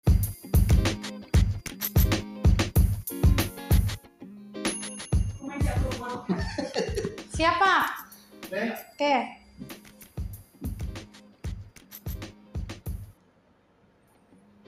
Baik, Assalamualaikum warahmatullahi wabarakatuh, teman pemilih. Jumpa lagi dengan saya Anis Marini Ardi dalam podcast KPU Provinsi Banten. Hari ini kita kedatangan tamu yang istimewa ya, yaitu Bapak Eka Satya Laksmana. Selamat siang Bapak. Selamat siang, sore, apa malam nih? Kayaknya bebas ya teman-teman ya. Em, terus nih, Pak Eka ini merupakan salah satu anggota KPU Provinsi Banten di divisi Sosdiklik Parmas, yaitu sosialisasi pendidikan pemilih dan partisipasi masyarakat. Jadi beliau ini yang mengurus tentang tingkat partisipasi masyarakat terkait dengan pemilihan dan pemilihan umum. Nah, Pak Eka Satya Laksmana, ini kita mau ngobrol santai nih Pak terkait dengan Desa Peduli Pemilu dan Pemilihan. Nah, kita kan sudah melaksanakannya ya Pak ya. Tapi yang sebenarnya teman pemilih eh, ingin tahu itu sebenarnya landasan atau latar belakang adanya Desa Peduli Pemilu dan Pemilihan ini apa sih Pak? Ya, eh, jadi Desa Peduli Pemilu dan Pemilihan ini salah satu eh, terobosan dari KPU Republik Indonesia, ya, salah satu program andalan yang dilaksanakan secara nasional dan eh, dari 34 provinsi, Banten salah satunya. dan eh, berdasarkan keputusan KPU itu Banten menjadi eh, ada satu desa di provinsi Banten yang dijadikan eh, desa sasaran untuk program desa peduli pemilu dan pemilihan. Yang dalam berbagai diskusi sebelumnya sebelum program ini diluncurkan adalah eh, tujuannya untuk mendorong eh, partisipasi masyarakat, partisipasi pemilih dalam setiap event pemilihan maupun eh, pemilu. Ditambah juga untuk meningkatkan kesadaran politik masyarakat di Iya, desa-desa sasaran. Nah, eh, dalam eh, petunjuk teknisnya memang diatur oleh KPU ya. Kita hanya melaksanakan, KPU sudah menetapkan kira-kira eh, kategori desa seperti apa saja yang bisa dijadikan desa sasaran untuk program desa peduli pemilu dan pemilihan. Jadi ada tiga kategori. Pertama, kategori desa yang memiliki tingkat partisipasi pemilih yang rendah. Yang kedua adalah desa dengan eh, tingkat risiko pelanggaran yang tinggi. Tinggi. Yang terakhir adalah desa dengan eh, risiko atau rawan bencana yang tinggi. Jadi tiga kategori desa itu yang kemudian menjadi kategori. Nah, eh, ada dua kegiatan dalam program Desa Peduli Pemilu dan Pemilihan itu. Pertama tentang pembentukan desa itu sendiri. Yang kedua adalah tentang pembentukan eh, kader Desa Peduli eh, Pemilu dan Pemilihan. Alhamdulillah eh, Banten sudah melaksanakan beberapa waktu lalu, belum lama di Desa Nyompok ya kita tetapkan Desa Nyompok namanya eh, ke Kopo, Kabupaten Serang. Iya. Ya, karena memang di desa itu berdasarkan eh, evaluasi tingkat partisipasi pemilih dengan teman-teman Kabupaten Serang, tingkat partisipasi pemilih pada saat pemilihan tahun 2020 itu masih sangat rendah, di bawah 50, sekitar 46 persen kalau tidak salah. Sehingga eh, desa itu yang kemudian menjadi desa sasaran kita untuk pelaksanaan. Alhamdulillah terlaksana dengan baik dan kita berhasil membentuk 25 orang kader desa peduli pemilu dan pemilihan yang pada pelaksanaannya kita berikan materi-materi yang eh, sudah menjadi apa eh, ketentuan ya dalam bentuk modul dan materi yang disampaikan oleh KPRI ada soal kepemiluan, soal eh, demokrasi dan eh, materi lain.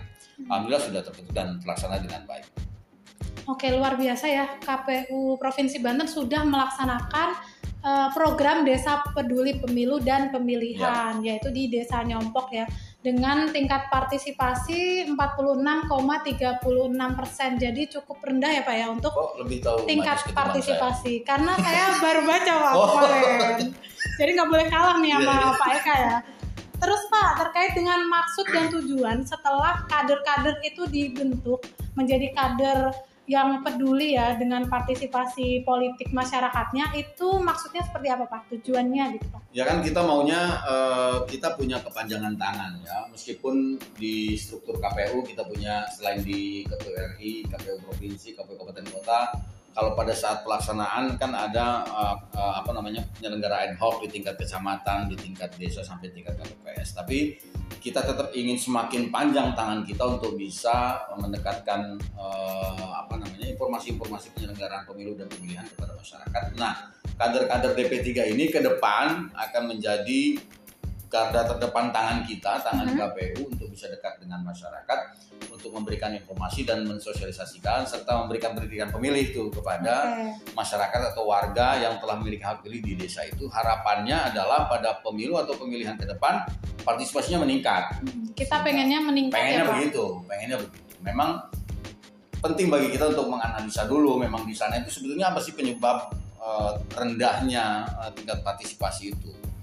Katakanlah di eh, pemilihan 2020 memang pemilihan itu berlangsung pada saat eh, pandemi Covid masih berlangsung. Tapi memang tidak ada jaminan juga bahwa untuk pemilu 2024 atau pemilihan 2024 pandemi ini akan berakhir sehingga perlu strategi-strategi pendekatan lain, pendekatan yang mungkin eh, lebih bisa diterima oleh publik. Ya, antara lain misalnya bisa meyakinkan bahwa pada saat hari pemungutan suara meskipun pandemi masih berlangsung, Mhm. tapi eh, jaminan bahwa tidak akan ada klaster baru di TPS misalnya bahwa protokol kesehatan akan dilaksanakan dengan baik. Nah itu Hmm. beberapa hal yang bisa kita sampaikan kepada publik agar publik juga punya eh, merasa nyaman, gitu, merasa aman kalau datang ke TPS tidak lagi ketakutan. Karena berdasarkan evaluasi memang salah satu faktor yang menyebab tingkat partisipasi masih rendah adalah ada kekhawatiran masyarakat kalau datang ke TPS, TPS-nya nggak aman dari dari Hmm, aman dari misalnya. COVID gitu ya Pak. Saya Terus udah Pak, aman. Aman. Alumni apa aman Pak? Saya alumni. alumni semua orang alumni covid ya Covid. terus pak untuk pemilihan eh, kader ini kan kita memilih 25 orang ya yang Ya, ikut dalam pelatihan tersebut terus kriteria apa yang menjadikan mereka itu layak dan tepat untuk kita pilih menjadi kader-kader DP3 nih pak ya sebetulnya nggak terlalu nggak terlalu rumit gitu. Syarat-syarat untuk menjadi kader juga tidak terlalu ketat lah gitu ya. Selain soal apa namanya eh, dia sudah memiliki hak pilih, bisa bisa baca tulis, kemudian ada beberapa kategori pemilih yang kita ingin apa namanya eh, rekrut sehingga cakupannya bisa lebih luas. Ada dari kelompok pemilih perempuan, kelompok pemilih pemula, pemuda gitu ya. Ada yang mantan penyelenggara itu beberapa yang kita eh, rekrut. Jadi tidak harus sarjana, tidak harus pandai berbahasa Inggris misalnya ya cukup eh, syarat-syarat yang sangat normatif saya kira dan eh, intinya kan kegiatan ini selain eh, mendorong tingkat partisipasi publik kita juga ingin memberdayakan sumber daya yang ada di, di desa, Desa. itu ya baik dari peserta kemudian eh, kegiatan apa namanya fasilitator atau fasilitasi yang lain juga kita maunya dapat dari desa itu. Nah, alhamdulillah kemarin banyak eh, kelompok masyarakat yang bisa kita berdayakan juga di sana ya dari urusan konsumsinya kita berdayakan kelompok di sana ada urusan sarana prasarana juga kita coba eh, gali potensi dari sana syukur alhamdulillah berhasil. Dan eh, kalau secara umum antusiasme eh, pesertanya bagus ya. Aktif gitu ya, terlihat- Pak? terlihat dari dua hari kita melaksanakan program itu eh, aktif banget lah memberikan masukan pertanyaan. Dan mudah-mudahan tindak lanjut ke depan eh, KPU mampu memberikan apa namanya terus mendistribusikan kegiatan-kegiatan sehingga mereka tetap bekerja dan memberikan hasil eh, seperti seperti yang kita harapkan. oke harapannya mereka semua menjadi perpanjangan tangan dari kita ya sebagai penyelenggara pemilu supaya partisipasi masyarakat meningkat gitu ya Pak. Ya lebih dari itu saya kira eh, dengan bekal yang sudah kita sampaikan eh, mereka bisa melakukan pendidikan pemilih juga untuk warga yang di sana soal politik uang misalnya itu juga kita tekankan agar tidak kemudian di sana eh, merambah gitu ya soal politik uang itu kemudian menjadi faktor penentu mereka datang atau tidak datang ke TPS gitu ya. Ada semacam ya menurut saya ini seloroh saja nggak mau milih kalau nggak ada uangnya misalnya itu kan Hmm. harus sudah dibenamkan gitu Budayanya harus diganti ya Pak ya. itu. Ya, jangan sampai jadi budaya politik uang itu bahaya Betul. semakin susah kita merubahnya. Kalau Terus, sudah Pak, jadi budaya. Kalau misalnya nih 25 kader itu bekerja ya, mereka emang yakin nih Pak mau bekerja kan kita nggak ngasih duit ya ke mereka ya? Ya, kita nggak ngasih ya apa gitu kita nggak ada nggak ada karena memang dari awal kan kita sebetulnya konsepnya adalah eh, kesukarelaan Mm-mm. sehingga tapi kita nggak mau nyebut juga mereka sebagai relawan ya karena relawan ini eh, konotasinya bisa lain ya jadi kita minta mereka menjadi kader. Oleh karena itu yang bisa kita berikan nanti yang bisa kita kontribusikan insya Allah ke depan adalah program-program tindak lanjutnya itu berupa kegiatan-kegiatan yang bisa eh, mereka laksanakan. Nah dari kegiatan itu kan kita harapkan ada kontribusi terhadap mereka. Ya banyak hal lah apakah itu eh, materi atau hal yang lain. Nah Insya Allah eh, program-program tindak lanjut ini bisa kita programkan, kita kegiatan, eh, kegiatan ini bisa ditindaklanjuti. Anggarannya tentu sumbernya bisa bisa banyak dari Mm. banyak banyak itu lebih dari satu kan, bisa dari APBN maupun dari APBD. Nah pada saat kita audensi dengan Bupati Kabupaten Serang, Bupati Serang, Bu Tatu Hasana, responnya juga sudah sangat baik dan luar biasa di atas ekspektasi kita bahwa konon DP3 atau Desa Peduli Pemilu dan Pemilihan ini akan diadopsi oleh Pemda Kabupaten Serang sebagai bagian dari program kegiatan. Nah, mudah-mudahan eh, pernyataan Ibu Bupati ini juga menjadi kebijakan Pemda secara umum. Kegiatan ini diadopsi sehingga eh, Pemda punya program sendiri. Nanti kita berkontribusi eh, terhadap kegiatan itu. Oke, luar biasa ya kita udah bikin MOU ya Pak ya kemarin ya. MOU betul. MOU dan harapannya memang program ini direplikasi tidak hanya di Nyompok tapi juga di desa-desa lain minimal satu kecamatan satu desa Satu gitu ya. desa. Terus Pak terkait dengan eh, pengalaman kemarin kita menyelenggarakan dua hari itu tanggal 4 dan 5 Oktober itu hal-hal apa nih Pak yang membuat Pak Eka itu seneng, apresiatif dan memorable gitu nggak bisa terlupakan di acara tersebut Pak. Satu di sana panas, Waduh, panasnya dulu nih nomor satu nih. Kedua, eh, kita harus menyulap satu apa namanya pasar tak terpakai, pasar Mhm. desa. Kita sulap menjadi sebuah eh, tempat yang layak untuk dilakukan dan dijadikan eh, lokasi apa namanya eh, pembekalan para kader Dan saya kira itu eh, sesuatu yang menarik dan eh, membutuhkan kerja keras juga eh, teman-teman di tim di KPU dan eh, tampak sekali eh, peserta juga sangat nyaman dengan dengan dengan konsep yang kita eh, buat gitu ya. Terbuka kemudian eh, lebih banyak mereka diskusi dan menyampaikan pendapat. Kita lebih banyak memancing saja memberikan menjadi pemantik dan seterusnya. Itu beberapa hal yang sekira eh, menurut saya sangat menarik dan mudah-mudahan itu juga memberi kesan bagi peserta. Mbak Oke. Anis ada juga di sana terkesan. Saya terkesannya terakhir Pak, hari Oh. terakhir itu ada ular lewat dari ruang transit. Oh, itu kaget ada banget, ular. Sumpah, ada ular. Aduh takut. Untungnya Terus, Mbak? pas pelaksanaan nggak ada ularnya. ya? Gak ada ular kan udah dibabat tuh ya pohon-pohon dan Kalau dari banyak materi itu Mbak Anis mana yang paling suka? Saya wawancara ya. sukanya pas Pak Eka nunjuk lagi nih. Oh. Kamu satu dua tiga empat nah itu Oh. seru ya. Terus nih Pak, kita kan memang karena acaranya itu interaktif terus butuh partisipasi yang bagus, kita kan memang memilih fasilitator yang tepat gitu ya, Ya. Pak. Nah eh, kemarin itu memilih fasilitator itu dasar-dasar pemilihan kita itu apa Pak aspeknya Pak? Memang kita sih sebetulnya kan pengennya eh, memaksimalkan eh, apa namanya sumber daya yang ada dari dari KPU lah katakan begitu. Tapi kita tetap diberi ruang eh, berdasarkan kebijakan KPRI untuk memanfaatkan sumber daya dari luar Mm-mm. yang punya kapasitas, kapabilitas, kualitas untuk menjadi narasumber atau fasilitator pada kegiatan pembekalan. gitu ya. Sehingga eh, kami sepakat, KPU Banten sepakat untuk memanfaatkan, mendayagunakan eh, sumber daya manusia dari luar Mhm. yang tidak jauh-jauh sebetulnya. Jadi ada dua kemarin dua fasilitator kita itu dua-duanya adalah mantan penyelenggara pemilu. Oh gitu. Satu Pak Cedin itu senior sebagai penyelenggara KPU di Kabupaten Lebak. Kemudian Pak Rohman. Rohman itu juga mantan ketua Panwaslu Kota Serang. Jadi eh, punya kapasitas dan kapabilitas yang cukup baik eh, dan mumpuni untuk menjadi fasilitator dalam kegiatan ini. Kemudian menyampaikan materi-materi yang memang sangat mereka kuasai soal kepemiluan dan soal eh, demokrasi. Jadi eh, kita sangat terbantu sekali dengan fasilitator yang begitu sehingga eh, apa namanya komisioner bisa tetap fokus pada tupoksi dia dalam dua hari itu Mhm. dan kegiatan tetap berlangsung dengan baik. Intinya kayak bagi-bagi tugas ya Pak ya, Ya, sesuai dengan tupoksinya. Nah, ini nih Pak, pengalaman yang paling pahit ketika berada di lokasi Pak.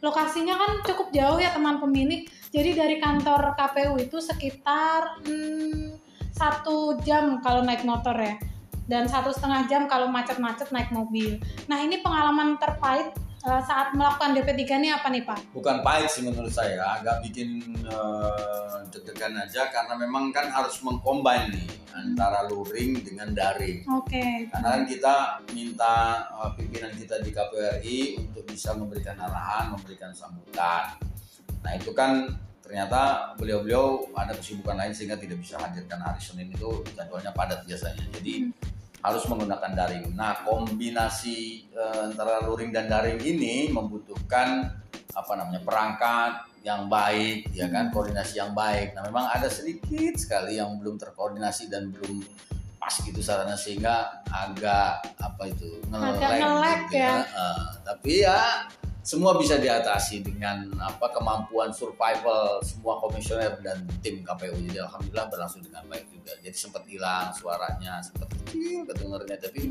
ya itu pembelajaran kita ke depan. Kita memang perlu orang-orang yang bisa uh, mempunyai kemampuan urusan yang begitu ya. Karena Jadi- kalau semua ditangani Anis ya nggak ini juga repot kasihan. Repot repot.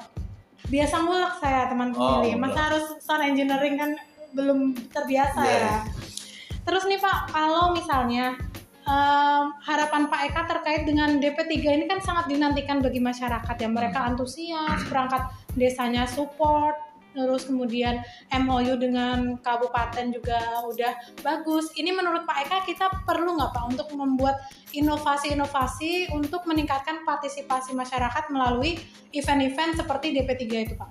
Ya, eh, kami di provinsi ya sudah meminta juga KPU Kabupaten Kota untuk mengadopsi khususnya kabupaten kota yang memang punya eh, bantuan pembiayaan dari Pemda berupa hibah.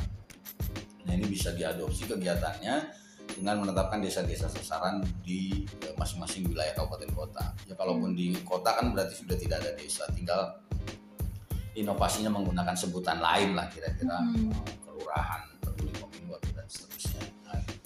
Dan itu yang eh, kita harapkan bisa direspon oleh kabupaten kota dan beberapa memang sudah merespon dalam bentuk program mudah-mudahan bisa terrealisasi. Kedua, eh, respon pemerintah daerah yang sudah baik ini mudah-mudahan menjadi kebijakan dan bisa ditiru juga oleh pemerintah kabupaten yang lain. Kalau misalnya Kabupaten Serang menjadi pilot project eh, pemerintah desa punya program sendiri, maka mungkin bisa diadopsi juga oleh pemerintah kabupaten kota lain. Gitu. Kita tinggal mendorong saja.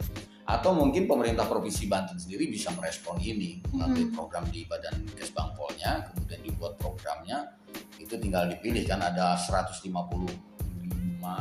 1551 desa di, Di provinsi Banten. Banten. Ya kalau satu satu desa saja kita ambil program berarti ada 105 1551 desa peduli pemilu nanti. Betul. atau 1550 lah.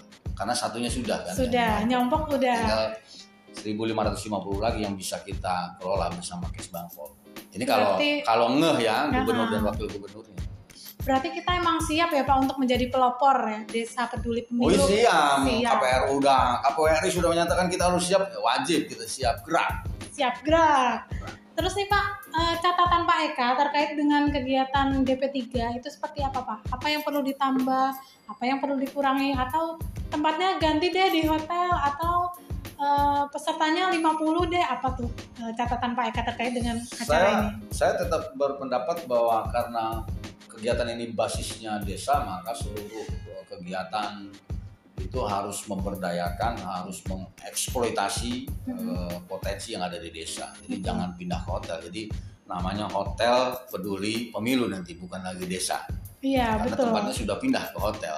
Jadi Biar kegiatan ini gitu. ya, kegiatan ini tetap kegiatan ini tetap dilaksanakan di desa, basisnya di desa, ya kan tinggal soal manajemennya. Manajemen itu menyangkut tata kelolanya ya. Tata kelola itu nanti soal fasilitatornya, soal pesertanya berapa orang ya kan. Kalau eh, modulnya saya kira sudah sangat baik.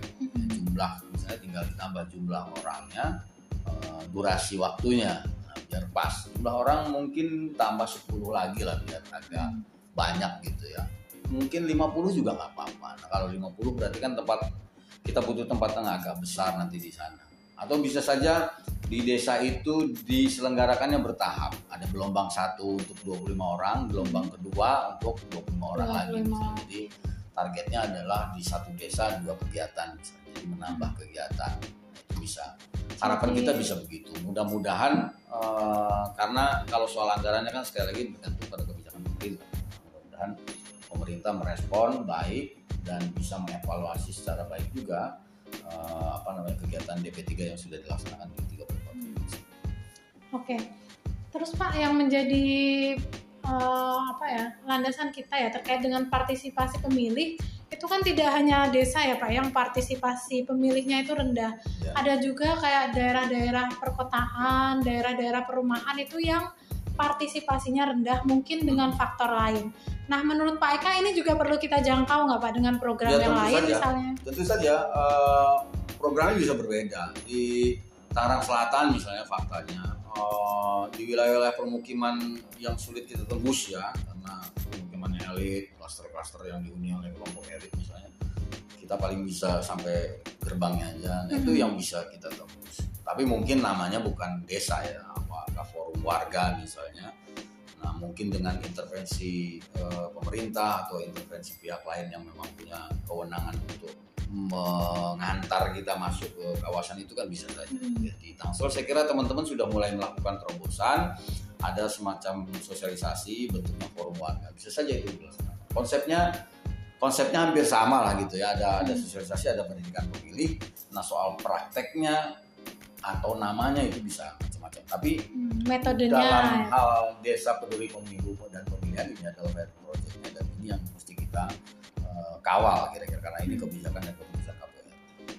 Oke, luar biasa ya. Tadi kita udah mengetahui nih bagaimana prosesnya, bagaimana catatan dan juga evaluasinya.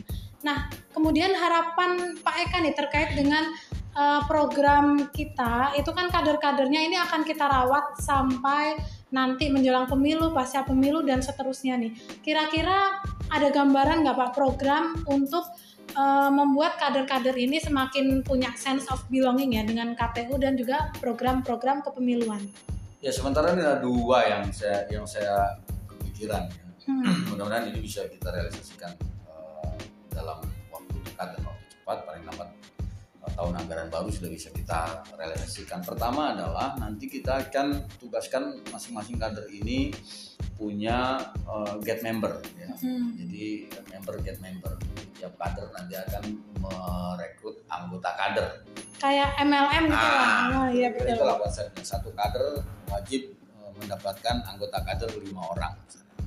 Nah, eh, apakah eh, teknisnya misalnya dari eh, anggota kader lima orang ini mereka membuat semacam forum warga, forum diskusi warga yang mendiskusikan tentang materi-materi yang sudah kita sampaikan kepada kader soal kepemiluan dan soal demokrasi. Hmm. Nah, kita nanti dorong mereka untuk membuat grup eh, medsosnya di WA misalnya gitu ya.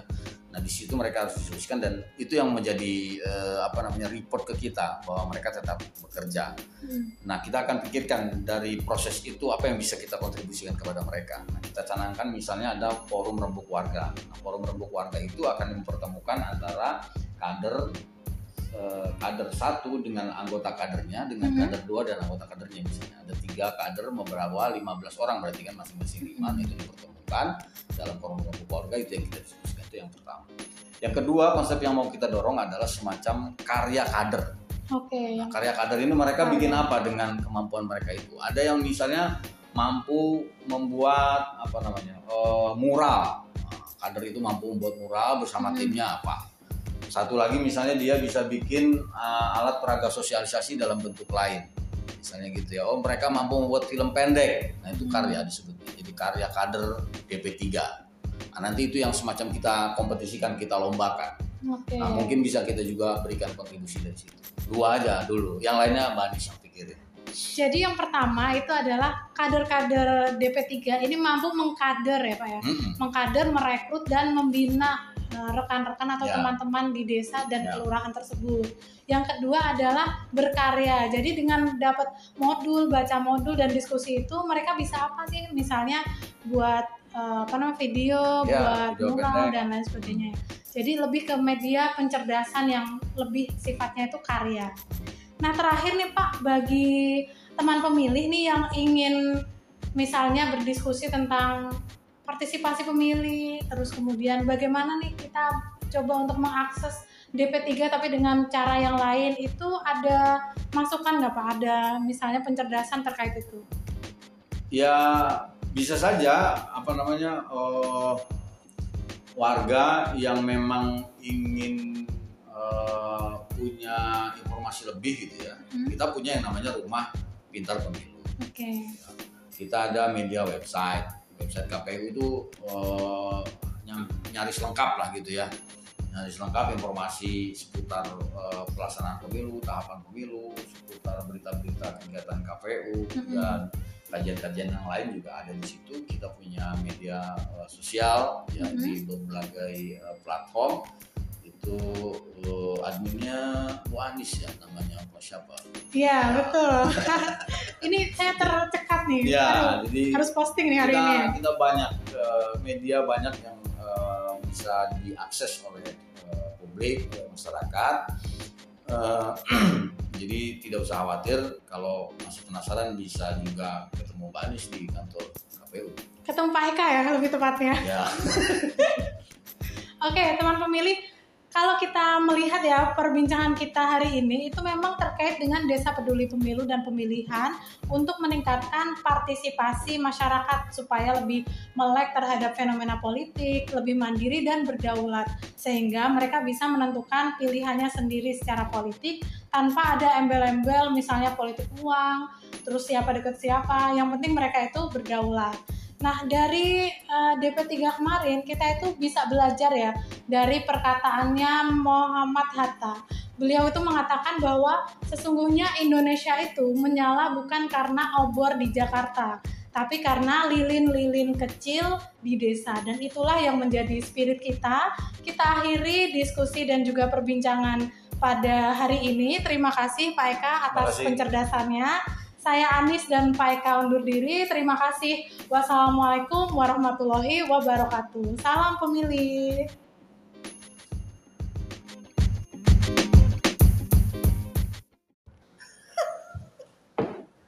Oke, teman pemilih, Assalamualaikum warahmatullahi wabarakatuh.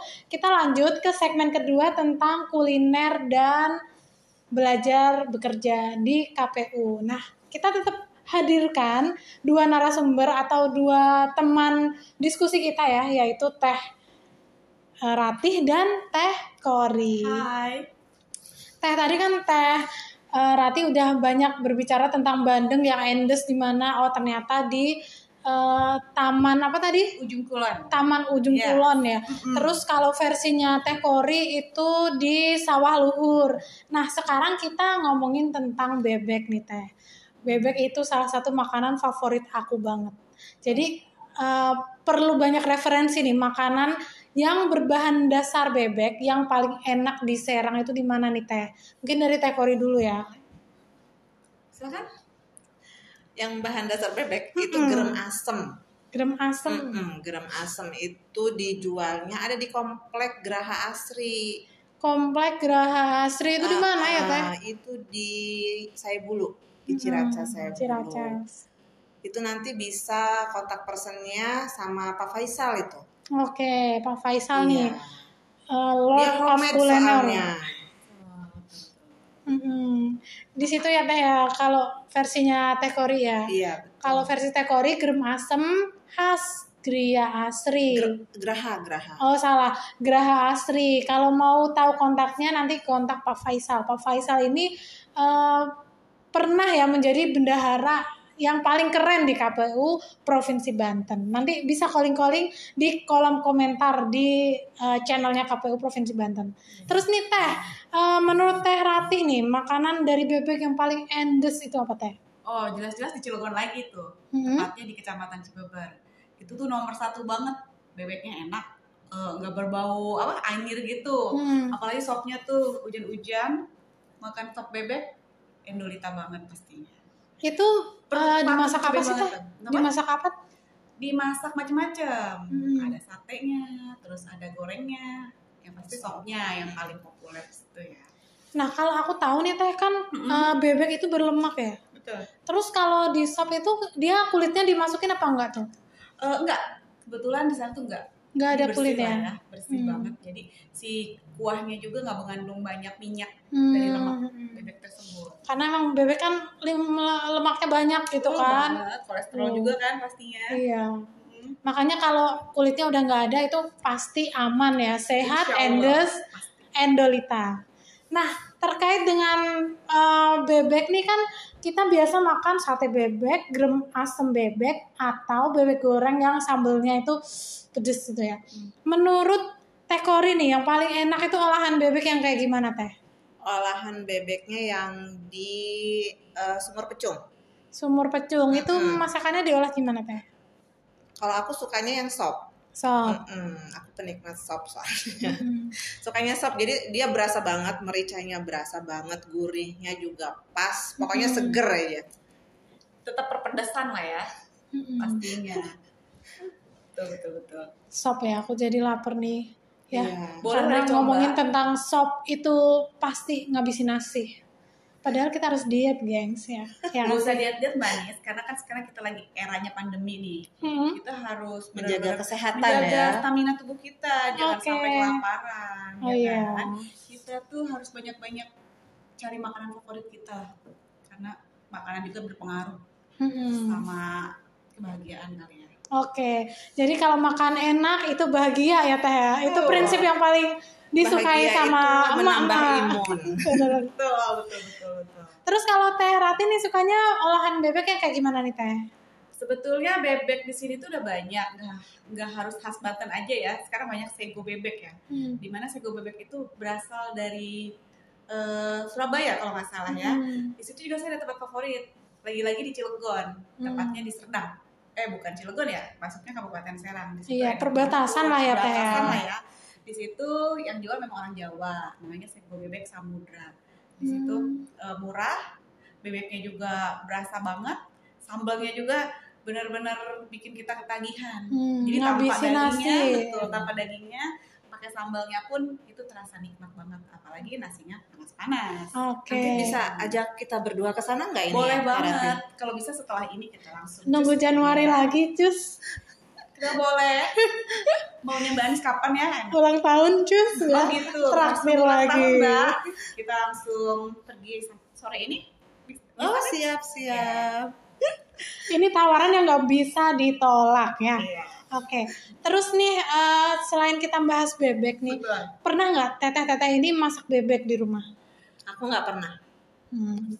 Kalau teteh Sama. Karena bebek itu mengolahnya lama, rumit ya? dan butuh-butuh orang-orang yang profesional ya. Iya betul. Hmm. Soalnya kalau salah pengolahan itu bau. Betul. Si bebek itu ada baunya, Hmm, nggak kayak ayam. Kayak bau-bau apa ya? Amis-amis gimana gitu ya teh? iya. Nggak sedap aja pokoknya. Terus alot ya nggak sih? Iya, alot. Kalau ada yang muda kenapa enggak? Beli aja ya, karena jajanan di Banten itu sangat lezat, enak, murah, dan Dan gampang nyarinya. Terus teh, kalau misalnya nih eh, anak-anak lagi pengen, eh, ma aku pengennya bebek, terus misalnya adiknya atau kakaknya, ma aku pengennya sate. Nah tempat mana nih yang mencakup semua makanan jadi satu kayak Pujasera itu di mana ya teh? Hmm, un- kalau sekarang tuh mungkin ada Pondok Tiara ya. Pondok Tiara itu yang di Cinanggung itu Iya, ya? betul dari Oke. Chicago. itu tempat ABG ABG remaja-remaja kumpul lah tapi kita kita juga bisa lah kumpul-kumpul Kita kan masih remaja. remaja betul ya nah di situ juga ada pujaseranya banyak macam-macam dari mulai makanan western sampai tradisional food Hmm. Eh, pokoknya wajib dah berkunjung ke situ Oke, kalau menurut Teh Kori nih tempat yang mencakup semua makanan enak jadi satu di sana itu di mana? Hmm, kalau kita eh, sebetulnya lebih cenderung makan enak itu tergantung tempatnya. Hmm. Jadi kalau kita sama keluarga lebih senang perginya ke daerah Padarincang itu di sana ada saung dolet sama dapur uak. ya betul Tinggal dua tempat itu aja. Padarincang. Iya, daerah Padarincang itu. Itu view-nya enak, bagus view-nya. Jadi makan apa pun pokoknya rasanya enak aja. Hmm. Gitu. Apalagi lapar ya, Apalagi itu tambah lapar. enak. secara perjalanan dari sana ke Padarinya kan lumayan memerlukan Iya, waktu yang sangat lama ya Betul, betul. Tadi kan Teh Kori bilang ya eh, tempat makan yang enak itu juga mengandung view yang bagus. Nah, tempat-tempat mana nih yang recommended menurut Teteh berdua ini untuk makan kumpul keluarga dan view-nya itu bagus? Mungkin dari Teh Rati dulu nih, recommended-nya itu tempatnya mana? eh ada sih eh, tempat ngopi Mhm. tapi nggak makan berat juga jadi situ ada makanan snack kayak semacam ya kentang french fries ya Hmm. sosis atau makanan-makanan olahan olahan lainnya dan pastinya le- 80% lebih ke alam gitu jadi kita bisa Hmm. menikmati ngopi makan sambil menikmati alam sekitar itu ada di kafe mewah namanya di Padarincang kalau nggak salah di Padarincang Mhm. masih Kabupaten Serang dekat dengan eh, kampus Untirta yang baru Ciomas bukan ya Teh? betul Oh, iya, iya. Ciomas eh bukan Padarincang berarti ya Ciomas. Ciomas. Pabuaran kalau nggak salah kecamatan Pabuaran Hmm. Itu kalau aku pernah lewat ke sana itu nanti tembus-tembusnya anyer ya Teh. Ya, betul. nggak salah. Itu Pak Faisal lagi tuh yang recommended. Lewat sini aja, lewat sini aja, mampir di sini. Itu Pak Faisal banget tuh. Kita juga ngerumpiin Pak Faisal ya. Teman-teman kalau penasaran sama beliau nanti komen aja. Pak Boleh Faisal tuh yang mana sih ya? boleh sekali diundang Iya, teman pemilik jangan khawatir nanti kita undang Pak Faisal. Nah, kalau menurut Teh Kori nih, tempat favorit tadi kan udah nih pada rincang. Kalau di sekitar misalnya nih di Serang udah bosen nih di Serang perbatasan udah bosen, pengen ke Pandeglang, Lebak, Ujung Kulon mungkin. Itu tempat yang favorit di mana? Hmm, Pandeglang Lebak. Mhm. Eh, saya Kantor KPU, yogi gitu dong Teh. kantor KPU. Kayaknya kalau ke Lebak kayaknya ya. Hmm. Soalnya di Lebak itu setiap pergi ke Lebak, aku tuh pasti mesti nyarinya bebek, bebek goreng. Itu ada namanya bebek bengis itu. Bebek Dekat bengis. rel kereta. Itu ah pokoknya idolita banget, the best itu. Bebeknya empuk, gurih ya. Sambalnya Terus sambelnya juga eh mantep buat para pencinta sambel boleh dicoba itu pokoknya. Namanya makan bebek sambil lesehan pastinya. Betul, makannya lesehan, pinggir jalan. Kalau di tengah jalan kan bahaya ya guys. Jadi pinggir jalan aja. tapi pokoknya worth it lah, pokoknya. Walaupun jauh, tapi Namanya eh, makanan, tetap mm, kejar. betul. Pinggir rel, deket. Deket rel, Deket di pinggir rel. jalan. Bukan pinggir rel. kantor. Di situ ada eh, kantor instansi pemerintah di situ juga. Eh, persis di depan Iya, di depan di belakangnya dia. Jadi Iya. si si tempat bebek ini di depan kantor itu. Bebek apa tadi namanya Teh? Bebek bengis. Kalau orang Lebak pasti udah tahu deh. Oke. Teh itu, pastinya itu ya. potongannya Ya, gede apa kecil tuh teh bebeknya? Potongannya pas banget. Kalau buat aku sih pas banget ya, karena di situnya juga ada ati ampelanya. Hmm, Terus si nasi uduknya juga pokoknya nampol banget, berasa banget ya. Oke. recommended. Semakin lapar nggak sih teman pemilih ya kita ngomongin tentang bebek, terus tempat dan view yang cocok itu di mana dan lain sebagainya. Nah eh, biasanya kan kalau kita nih teman-teman KPU gitu kan, gadis-gadis KPU lagi kosong gitu kan atau nunggu jadwal uh, terbitnya berita acara misalnya. Kita kan biasa pengen hangout bareng gitu ya Teh. Tempat yang enak nih selama Teteh bekerja terus uh, hangout bareng itu di mana nih di sekitar kantor nih? Mang Nani kah atau di mana? yuk kita di mana Kopi oh. oh. Oke, satu, dua, tiga. Kopi oh. Nah, kopi oh ya. Tempat ngopi cozy ya di daerah Cipocok ya Teh. Iya, santai banget. Kenapa sih milih di situ teman-teman eh, KPU ya gadis-gadisnya tuh pilih nongkrong di situ Teh? kalau saya sih yang pasti tempatnya enak banget Hmm. eh, luas terus Bersih. eh, bersih yang pasti dan emang enak banget buat ngobrol-ngobrol santai di sana Mhm. ngopi-ngopi ya eh, ditambah lagi kita bisa foto berfoto-foto ria ya bersuah Iya. foto ya Karena Banyak- emang banyak, uh, tempatnya yang instagramable ya. Instagramable, ya, bener. Kalau Teh Kori ini kenapa nih milih di kopi O atau atau ada kopinya itu enak atau harganya itu terjangkau selain tempat ya tadi Teteh Rati kan ngomongnya tentang tempat yang instagramable, cozy, enak buat ngobrol. Nah kalau Teteh nih kenapa pilih kopi O? Makanan ringannya pas aja Hmm. dengan selera aku. Oke. Terutama smoothiesnya, smoothiesnya enak banget. Smoothies apa tuh Teh? Aku biasanya beli yang strawberry. Hmm. Seger gitu ya? Iya. segar dan Seger. manisnya itu ngepas banget Iya. Enggak Yang kemanisan.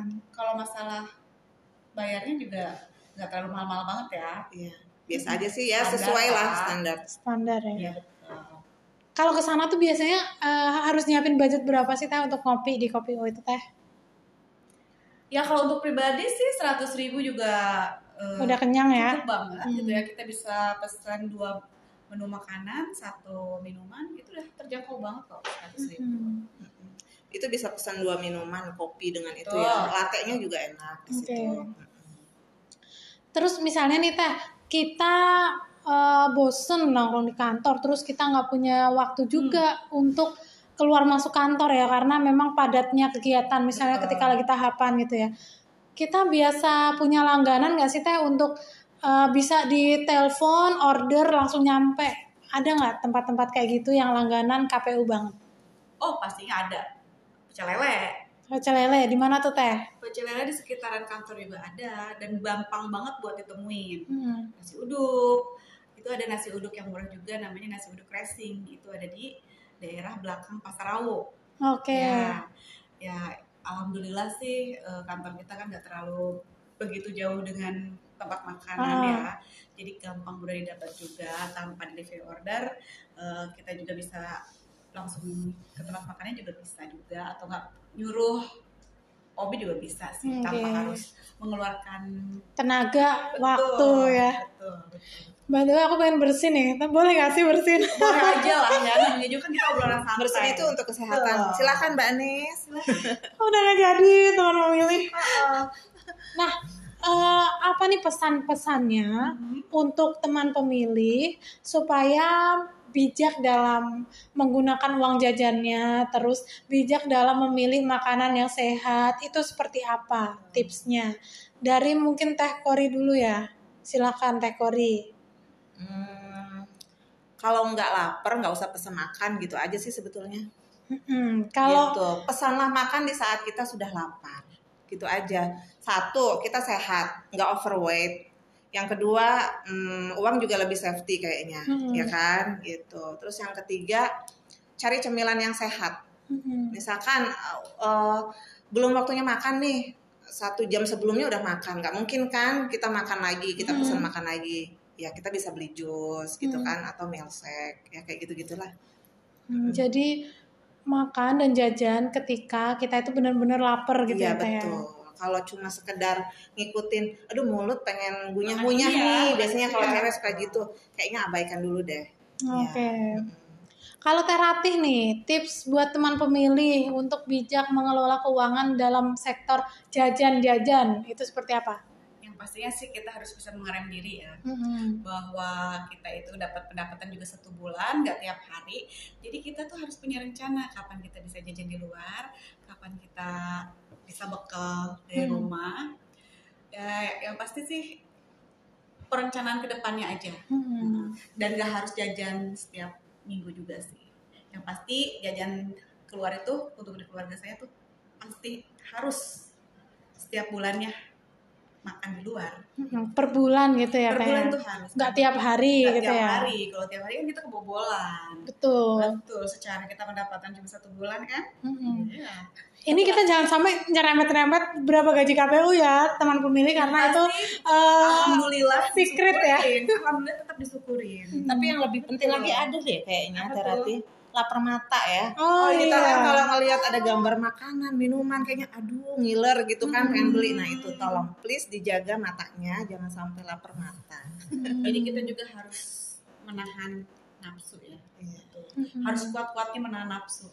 Ingat aja kalau dompet kita itu masih harus sampai menempuh akhir 30 bulan hari. 30 hari. Iya, begitu kan? Eh, eh, jadi yang terpenting kalau bisa saya simpulkan ya dari teteh-teteh berdua ini, yang pertama kita itu harus bisa memanajemen keuangan, memanajemen pengeluaran supaya pas dari awal sampai akhir itu selalu swasembada ya, jangan Iya. sampai ada krisis-krisisnya. Iya. Terus eh, selain itu kita juga harus makan secukupnya, nggak boleh terlalu berlebihan, apalagi lapar mata. Sesuai dengan sunnah Rasul ya, Betul. makanlah ketika lapar dan berhentilah sebelum kenyang. Itu juga bagus untuk kita kita supaya nggak terlalu overweight dan kebanyakan makan. Nah itu dulu ya teman pemilih obrolan santai kita di podcast KPU Provinsi Banten karena di podcast ini kita tidak melulu ngomongin tentang tahapan kepemiluan terus macam-macam regulasi itu tapi kita juga mencari hikmah-hikmah yang lain terkait dengan kehidupan seputar pegawai-pegawai KPU salah satunya adalah jajanan yang menarik di Kota Serang. Nah, itu dulu dari kami. Saya Anis, kemudian Tati, dan Saya Kori. undur diri. Terima kasih. Wassalamualaikum warahmatullahi wabarakatuh. Salam pemilih.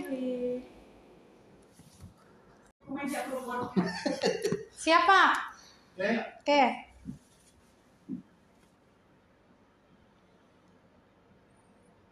Baik, Assalamualaikum warahmatullahi wabarakatuh, teman pemilih. Jumpa lagi dengan saya Anis Marini Ardi dalam podcast KPU Provinsi Banten. Hari ini kita kedatangan tamu yang istimewa ya, yaitu Bapak Eka Satya Laksmana. Selamat siang Bapak. Selamat siang, sore, apa malam ini? Kayaknya bebas ya teman-teman ya. Em, terus nih, Pak Eka ini merupakan salah satu anggota KPU Provinsi Banten di divisi Sosdiklik Parmas, yaitu sosialisasi pendidikan pemilih dan partisipasi masyarakat. Jadi beliau ini yang mengurus tentang tingkat partisipasi masyarakat terkait dengan pemilihan dan pemilihan umum. Nah, Pak Eka Satya Laksmana, ini kita mau ngobrol santai nih Pak terkait dengan Desa Peduli Pemilu dan Pemilihan. Nah, kita kan sudah melaksanakannya ya Pak ya. Tapi yang sebenarnya teman pemilih eh, ingin tahu itu sebenarnya landasan atau latar belakang adanya Desa Peduli Pemilu dan Pemilihan ini apa sih Pak? Ya, eh, jadi Desa Peduli Pemilu dan Pemilihan ini salah satu eh, terobosan dari KPU Republik Indonesia, ya, pro- salah satu program andalan yang dilaksanakan secara nasional dan eh, dari 34 provinsi, Banten salah satunya.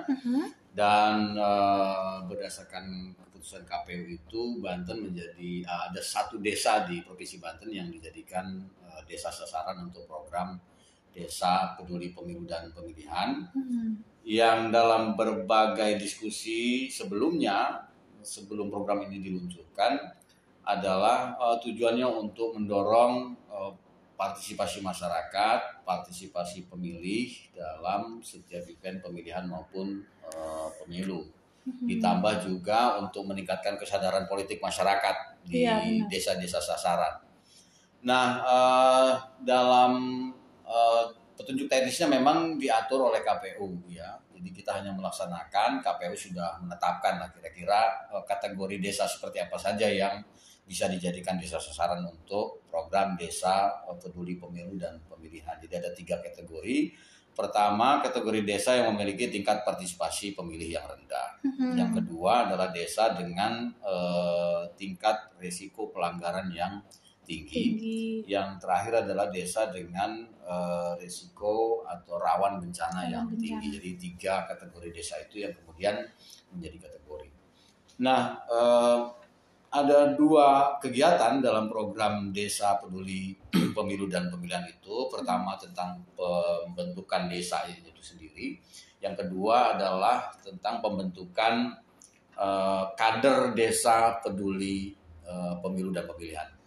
Alhamdulillah eh, Banten sudah melaksanakan Oke. beberapa waktu lalu, belum lama di Desa Nyompok ya kita tetapkan Desa Nyompok namanya Kecamatan Kopo, Kabupaten Serang. iya Ya, karena memang di desa itu berdasarkan eh, evaluasi tingkat partisipasi pemilih dengan teman-teman Kabupaten Serang, tingkat partisipasi pemilih pada saat pemilihan tahun 2020 itu masih sangat rendah, di bawah 50, sekitar 46 persen kalau tidak salah. Mhm.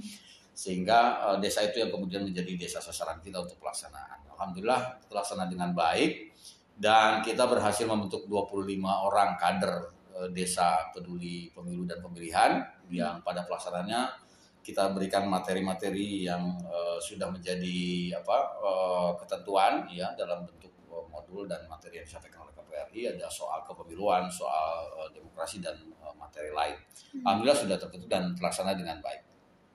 Oke, luar biasa ya. KPU Provinsi Banten sudah melaksanakan eh, program Desa Peduli Pemilu dan Pemilihan, yaitu di Desa Nyompok ya, dengan tingkat partisipasi 46,36 persen. Jadi cukup rendah ya Pak ya untuk Kok lebih tahu tingkat partisipasi. Karena saya baru baca Pak Oh. kemarin. Jadi nggak boleh kalah nih sama Iya, iya. Pak Eka ya.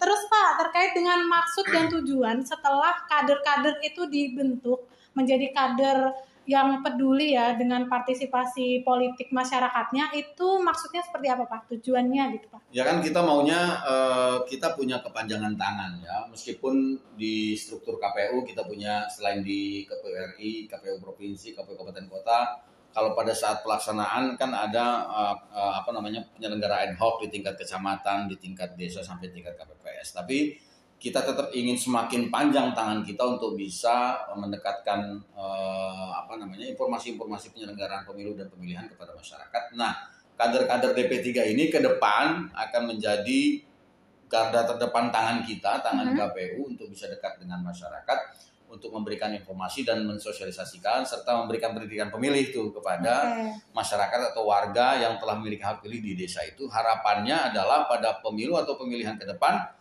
partisipasinya meningkat. Hmm, Kita pengennya meningkat Pengennya ya Pak? begitu, pengennya begitu. Memang penting bagi kita untuk menganalisa dulu memang di sana itu sebetulnya apa sih penyebab eh, rendahnya eh, tingkat partisipasi itu. Katakanlah di eh, pemilihan 2020 memang pemilihan itu berlangsung pada saat pandemi Covid masih berlangsung. Hmm. Tapi memang tidak ada jaminan juga bahwa untuk pemilu 2024 atau pemilihan 2024 pandemi ini akan berakhir sehingga perlu strategi-strategi pendekatan lain, pendekatan yang mungkin eh, lebih bisa diterima oleh publik. Ya, antara lain misalnya bisa meyakinkan bahwa pada saat hari pemungutan suara meskipun pandemi masih berlangsung, Mhm. tapi eh, jaminan bahwa tidak akan ada klaster baru di TPS misalnya, bahwa protokol kesehatan akan dilaksanakan dengan baik. Nah itu Hmm. beberapa hal yang bisa kita sampaikan kepada publik agar publik juga punya eh, merasa nyaman gitu, merasa aman kalau datang ke TPS tidak lagi ketakutan. Karena berdasarkan evaluasi memang salah satu faktor yang menyebab tingkat partisipasi masih rendah adalah ada kekhawatiran eh, masyarakat kalau datang ke TPS, TPS-nya nggak aman dari dari Hmm, penyebaran aman dari misalnya. COVID gitu ya Pak. Terus Saya udah Pak, aman belum? aman. Kira-kira. Alumni apa aman Pak? Saya alumni. alumni. Semua orang alumni COVID ya. alumni COVID. Terus Pak, untuk pemilihan eh, kader ini kan kita memilih 25 orang ya yang Ya. ikut dalam pelatihan tersebut.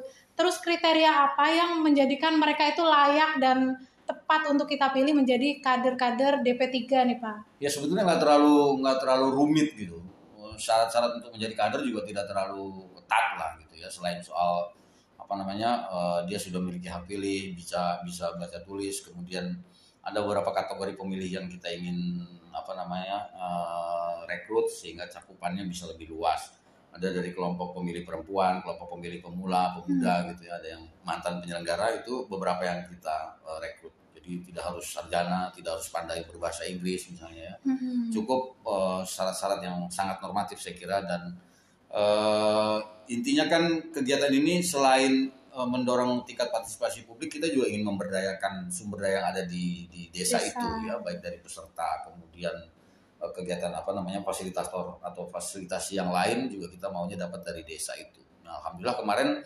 banyak eh, kelompok masyarakat yang bisa kita berdayakan juga di sana ya dari Hmm. urusan konsumsinya kita berdayakan kelompok di sana ada urusan sarana prasarana juga kita coba eh, gali potensi yang dari sana syukur alhamdulillah berhasil dan eh, kalau secara umum antusiasme eh, pesertanya bagus ya Aktif gitu ya, terlihat- Pak? terlihat dari dua hari kita melaksanakan program itu eh, aktif banget lah eh, memberikan masukan pertanyaan dan mudah-mudahan tindak lanjut ke depan eh, KPU mampu memberikan apa namanya terus mendistribusikan kegiatan-kegiatan sehingga mereka tetap bekerja dan memberikan hasil eh, seperti, seperti yang kita harapkan.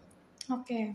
Harapannya mereka semua menjadi perpanjangan tangan dari kita ya sebagai penyelenggara pemilu supaya partisipasi masyarakat meningkat gitu ya Pak. Ya lebih dari itu saya kira eh, dengan bekal yang sudah kita sampaikan eh, mereka bisa melakukan pendidikan eh, pemilih juga untuk warga yang di sana soal politik uang misalnya itu juga kita tekankan agar tidak kemudian di sana eh, merambah gitu ya soal politik uang itu kemudian menjadi faktor penentu mereka datang atau tidak datang ke TPS gitu ya ada semacam ya menurut saya ini seloroh saja nggak mau milih kalau nggak ada uangnya misalnya itu kan Hmm. harus sudah dibenamkan gitu Budayanya harus diganti ya Pak ya. itu. ya jangan Harus- sampai jadi budaya politik uang itu bahaya Betul. nanti semakin susah kita merubahnya kalau Terus, sudah Pak, jadi budaya Kalau misalnya nih 25 kader itu bekerja ya, mereka emang yakin nih Pak mau bekerja kan kita nggak ngasih duit ya ke mereka ya? ya Kita nggak ngasih ya apa gitu kita nggak ada nggak ada karena memang dari awal kan kita sebetulnya konsepnya adalah eh, kesukarelaan ya. Mm-mm. sehingga tapi kita nggak mau nyebut juga mereka sebagai relawan ya karena relawan ini eh, konotasinya bisa lain ya jadi kita minta mereka menjadi kader oleh karena itu yang bisa kita berikan nanti yang bisa kita kontribusikan insya Allah ke depan adalah program-program tindak lanjutnya itu berupa kegiatan-kegiatan yang bisa eh, mereka laksanakan nah dari kegiatan itu kan kita harapkan ada kontribusi terhadap mereka ya banyak hal lah apakah itu eh, materi atau hal yang lain nah Insya Allah eh, program-program tindak lanjut ini bisa kita programkan, kita kegiatan, kegiatan ini bisa ditindaklanjuti. Anggarannya tentu sumbernya bisa bisa banyak dari Mm-mm. Banyak banyak itu lebih dari satu kan ya. Bisa dari APBN maupun dari APBD. Nah pada saat kita audensi dengan Bupati Kabupaten Serang, Bupati Serang, Bu Tatu Hasana, responnya juga sudah sangat baik dan luar biasa di atas ekspektasi kita bahwa konon DP3 atau Desa Peduli Pemilu dan Pemilihan ini akan diadopsi oleh Pemda Kabupaten Serang sebagai bagian dari program kegiatan. Nah, mudah-mudahan eh, pernyataan Ibu Bupati ini juga menjadi kebijakan Pemda secara umum kegiatan ini diadopsi sehingga eh, Pemda punya program sendiri nanti kita berkontribusi eh, terhadap kegiatan itu. Oke, luar biasa ya kita udah bikin MOU ya Pak ya kemarin ya. MOU betul.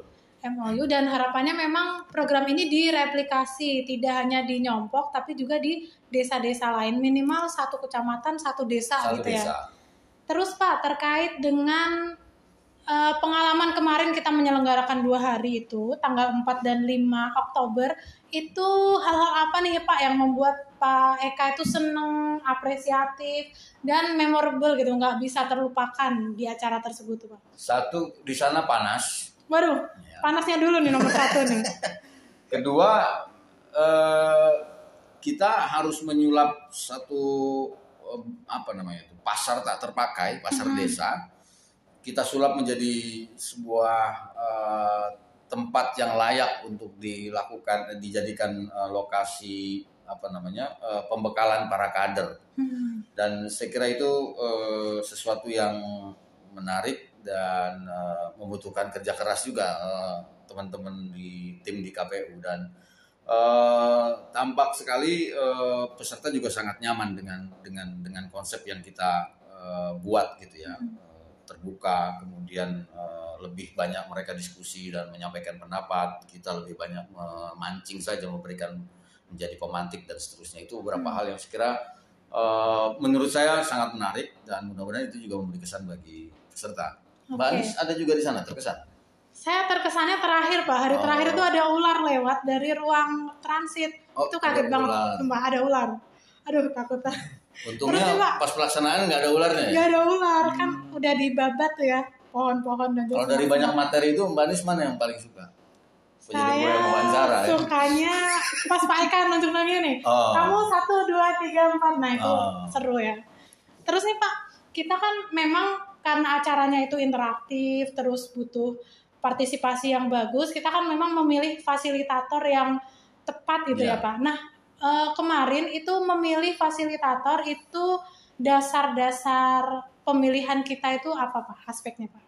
Memang kita sih sebetulnya kan pengennya eh, memaksimalkan eh, apa namanya sumber daya yang ada dari Hmm. dari KPU lah katakan begitu. Tapi kita tetap diberi ruang eh, berdasarkan kebijakan KPRI untuk memanfaatkan sumber daya dari luar Hmm. yang punya kapasitas, kapabilitas, kualitas untuk menjadi narasumber atau fasilitator pada kegiatan pembekalan gitu ya. Sehingga eh, kami sepakat, KPU Banten sepakat untuk memanfaatkan, mendayagunakan eh, sumber daya manusia dari luar Hmm. yang tidak jauh-jauh sebetulnya. Jadi ada dua kemarin dua fasilitator kita itu dua-duanya adalah mantan penyelenggara pemilu. Oh gitu. Satu Pak Cedin itu senior sebagai penyelenggara KPU di Kabupaten Lebak.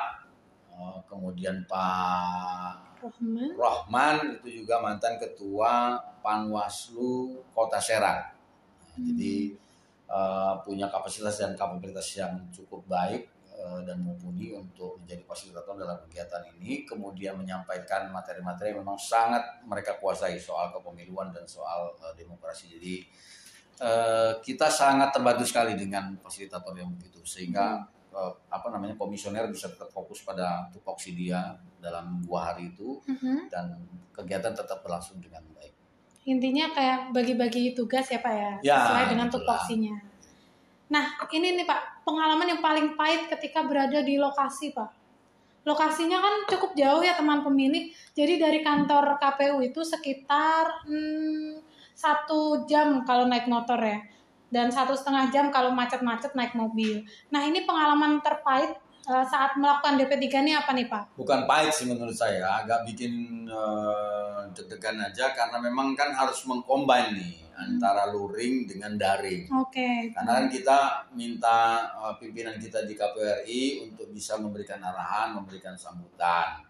Nah itu kan ternyata beliau-beliau ada kesibukan lain sehingga tidak bisa hadirkan hari Senin itu jadwalnya padat biasanya. Jadi harus menggunakan daring. Nah kombinasi eh, antara luring dan daring ini membutuhkan apa namanya perangkat yang baik, ya kan koordinasi yang baik. Nah memang ada sedikit sekali yang belum terkoordinasi dan belum pas gitu sarana sehingga agak apa itu nge-lag nge-lag gitu ya. Eh, tapi ya semua bisa diatasi dengan apa kemampuan survival semua komisioner dan tim KPU. Jadi alhamdulillah berlangsung dengan baik juga. Jadi sempat hilang suaranya, sempat kecil kedengarannya tapi Hmm.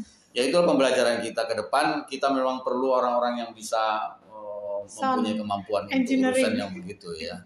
Karena Jadi- kalau semua ditangani Anies ya nggak ini juga repot kasihan. repot repot biasa mulek saya teman Oh, masa harus sound engineering kan belum terbiasa Iya, ya.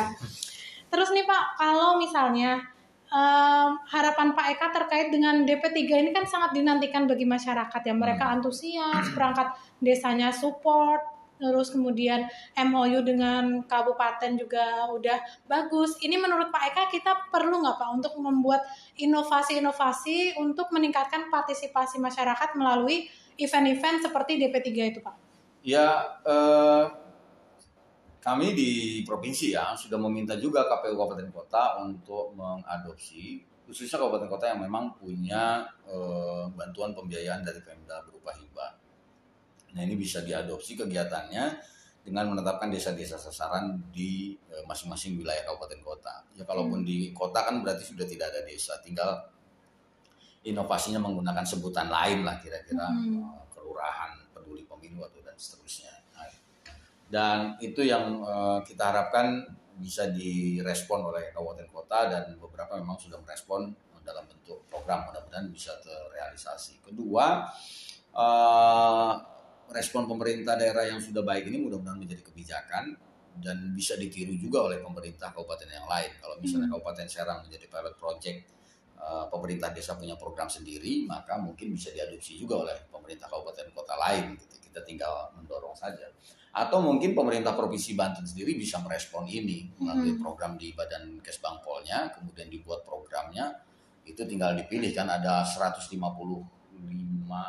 1551 desa di, Di provinsi Banten. Banten. Ya kalau satu satu desa saja kita ambil program berarti ada 105 1551 desa peduli pemilu nanti Betul. atau 1550 lah karena satunya sudah kan Sudah, yang- nyompok udah. tinggal 1550 lagi yang bisa kita kelola bersama Kesbangpol. Ini kalau Berarti- kalau ngeh ya gubernur dan wakil gubernurnya. Berarti kita emang siap ya Pak untuk menjadi pelopor ya Desa Peduli Oh Pemilu. iya, siap, Siap. KPRU udah, KPRI sudah menyatakan kita harus siap, ya wajib kita siap gerak. Siap gerak. Gerak. Terus nih Pak, eh, catatan Pak Eka terkait dengan kegiatan DP3 itu seperti apa Pak? Apa yang perlu ditambah? Apa yang perlu dikurangi? Atau tempatnya ganti deh di hotel? Atau eh, pesertanya 50 deh? Apa tuh eh, catatan Pak Eka terkait dengan acara Saya ini? saya tetap berpendapat bahwa karena kegiatan ini basisnya desa, maka seluruh kegiatan itu harus memberdayakan, harus mengeksploitasi eh, potensi yang ada di desa. Jadi Mhm. jangan pindah ke hotel. Jadi namanya hotel peduli pemilu nanti bukan lagi desa. Iya, karena betul. tempatnya sudah pindah ke hotel.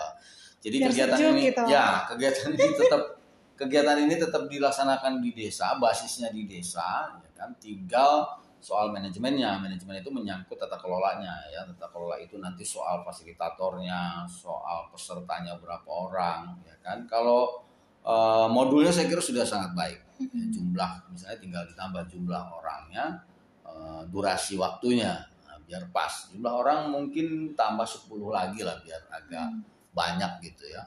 Mungkin 50 juga nggak apa-apa. Nah, kalau 50 berarti kan tempat kita butuh tempat yang agak besar nanti di sana. Atau bisa saja di desa itu diselenggarakannya bertahap. Ada gelombang satu untuk 25 orang, gelombang kedua untuk 25 orang lagi 25. misalnya. Jadi targetnya adalah di satu desa dua kegiatan misalnya. Jadi menambah kegiatan. Nah, itu bisa. Harapan kita bisa begitu. Mudah-mudahan eh, karena kalau soal anggarannya kan sekali lagi bergantung pada kebijakan pemerintah.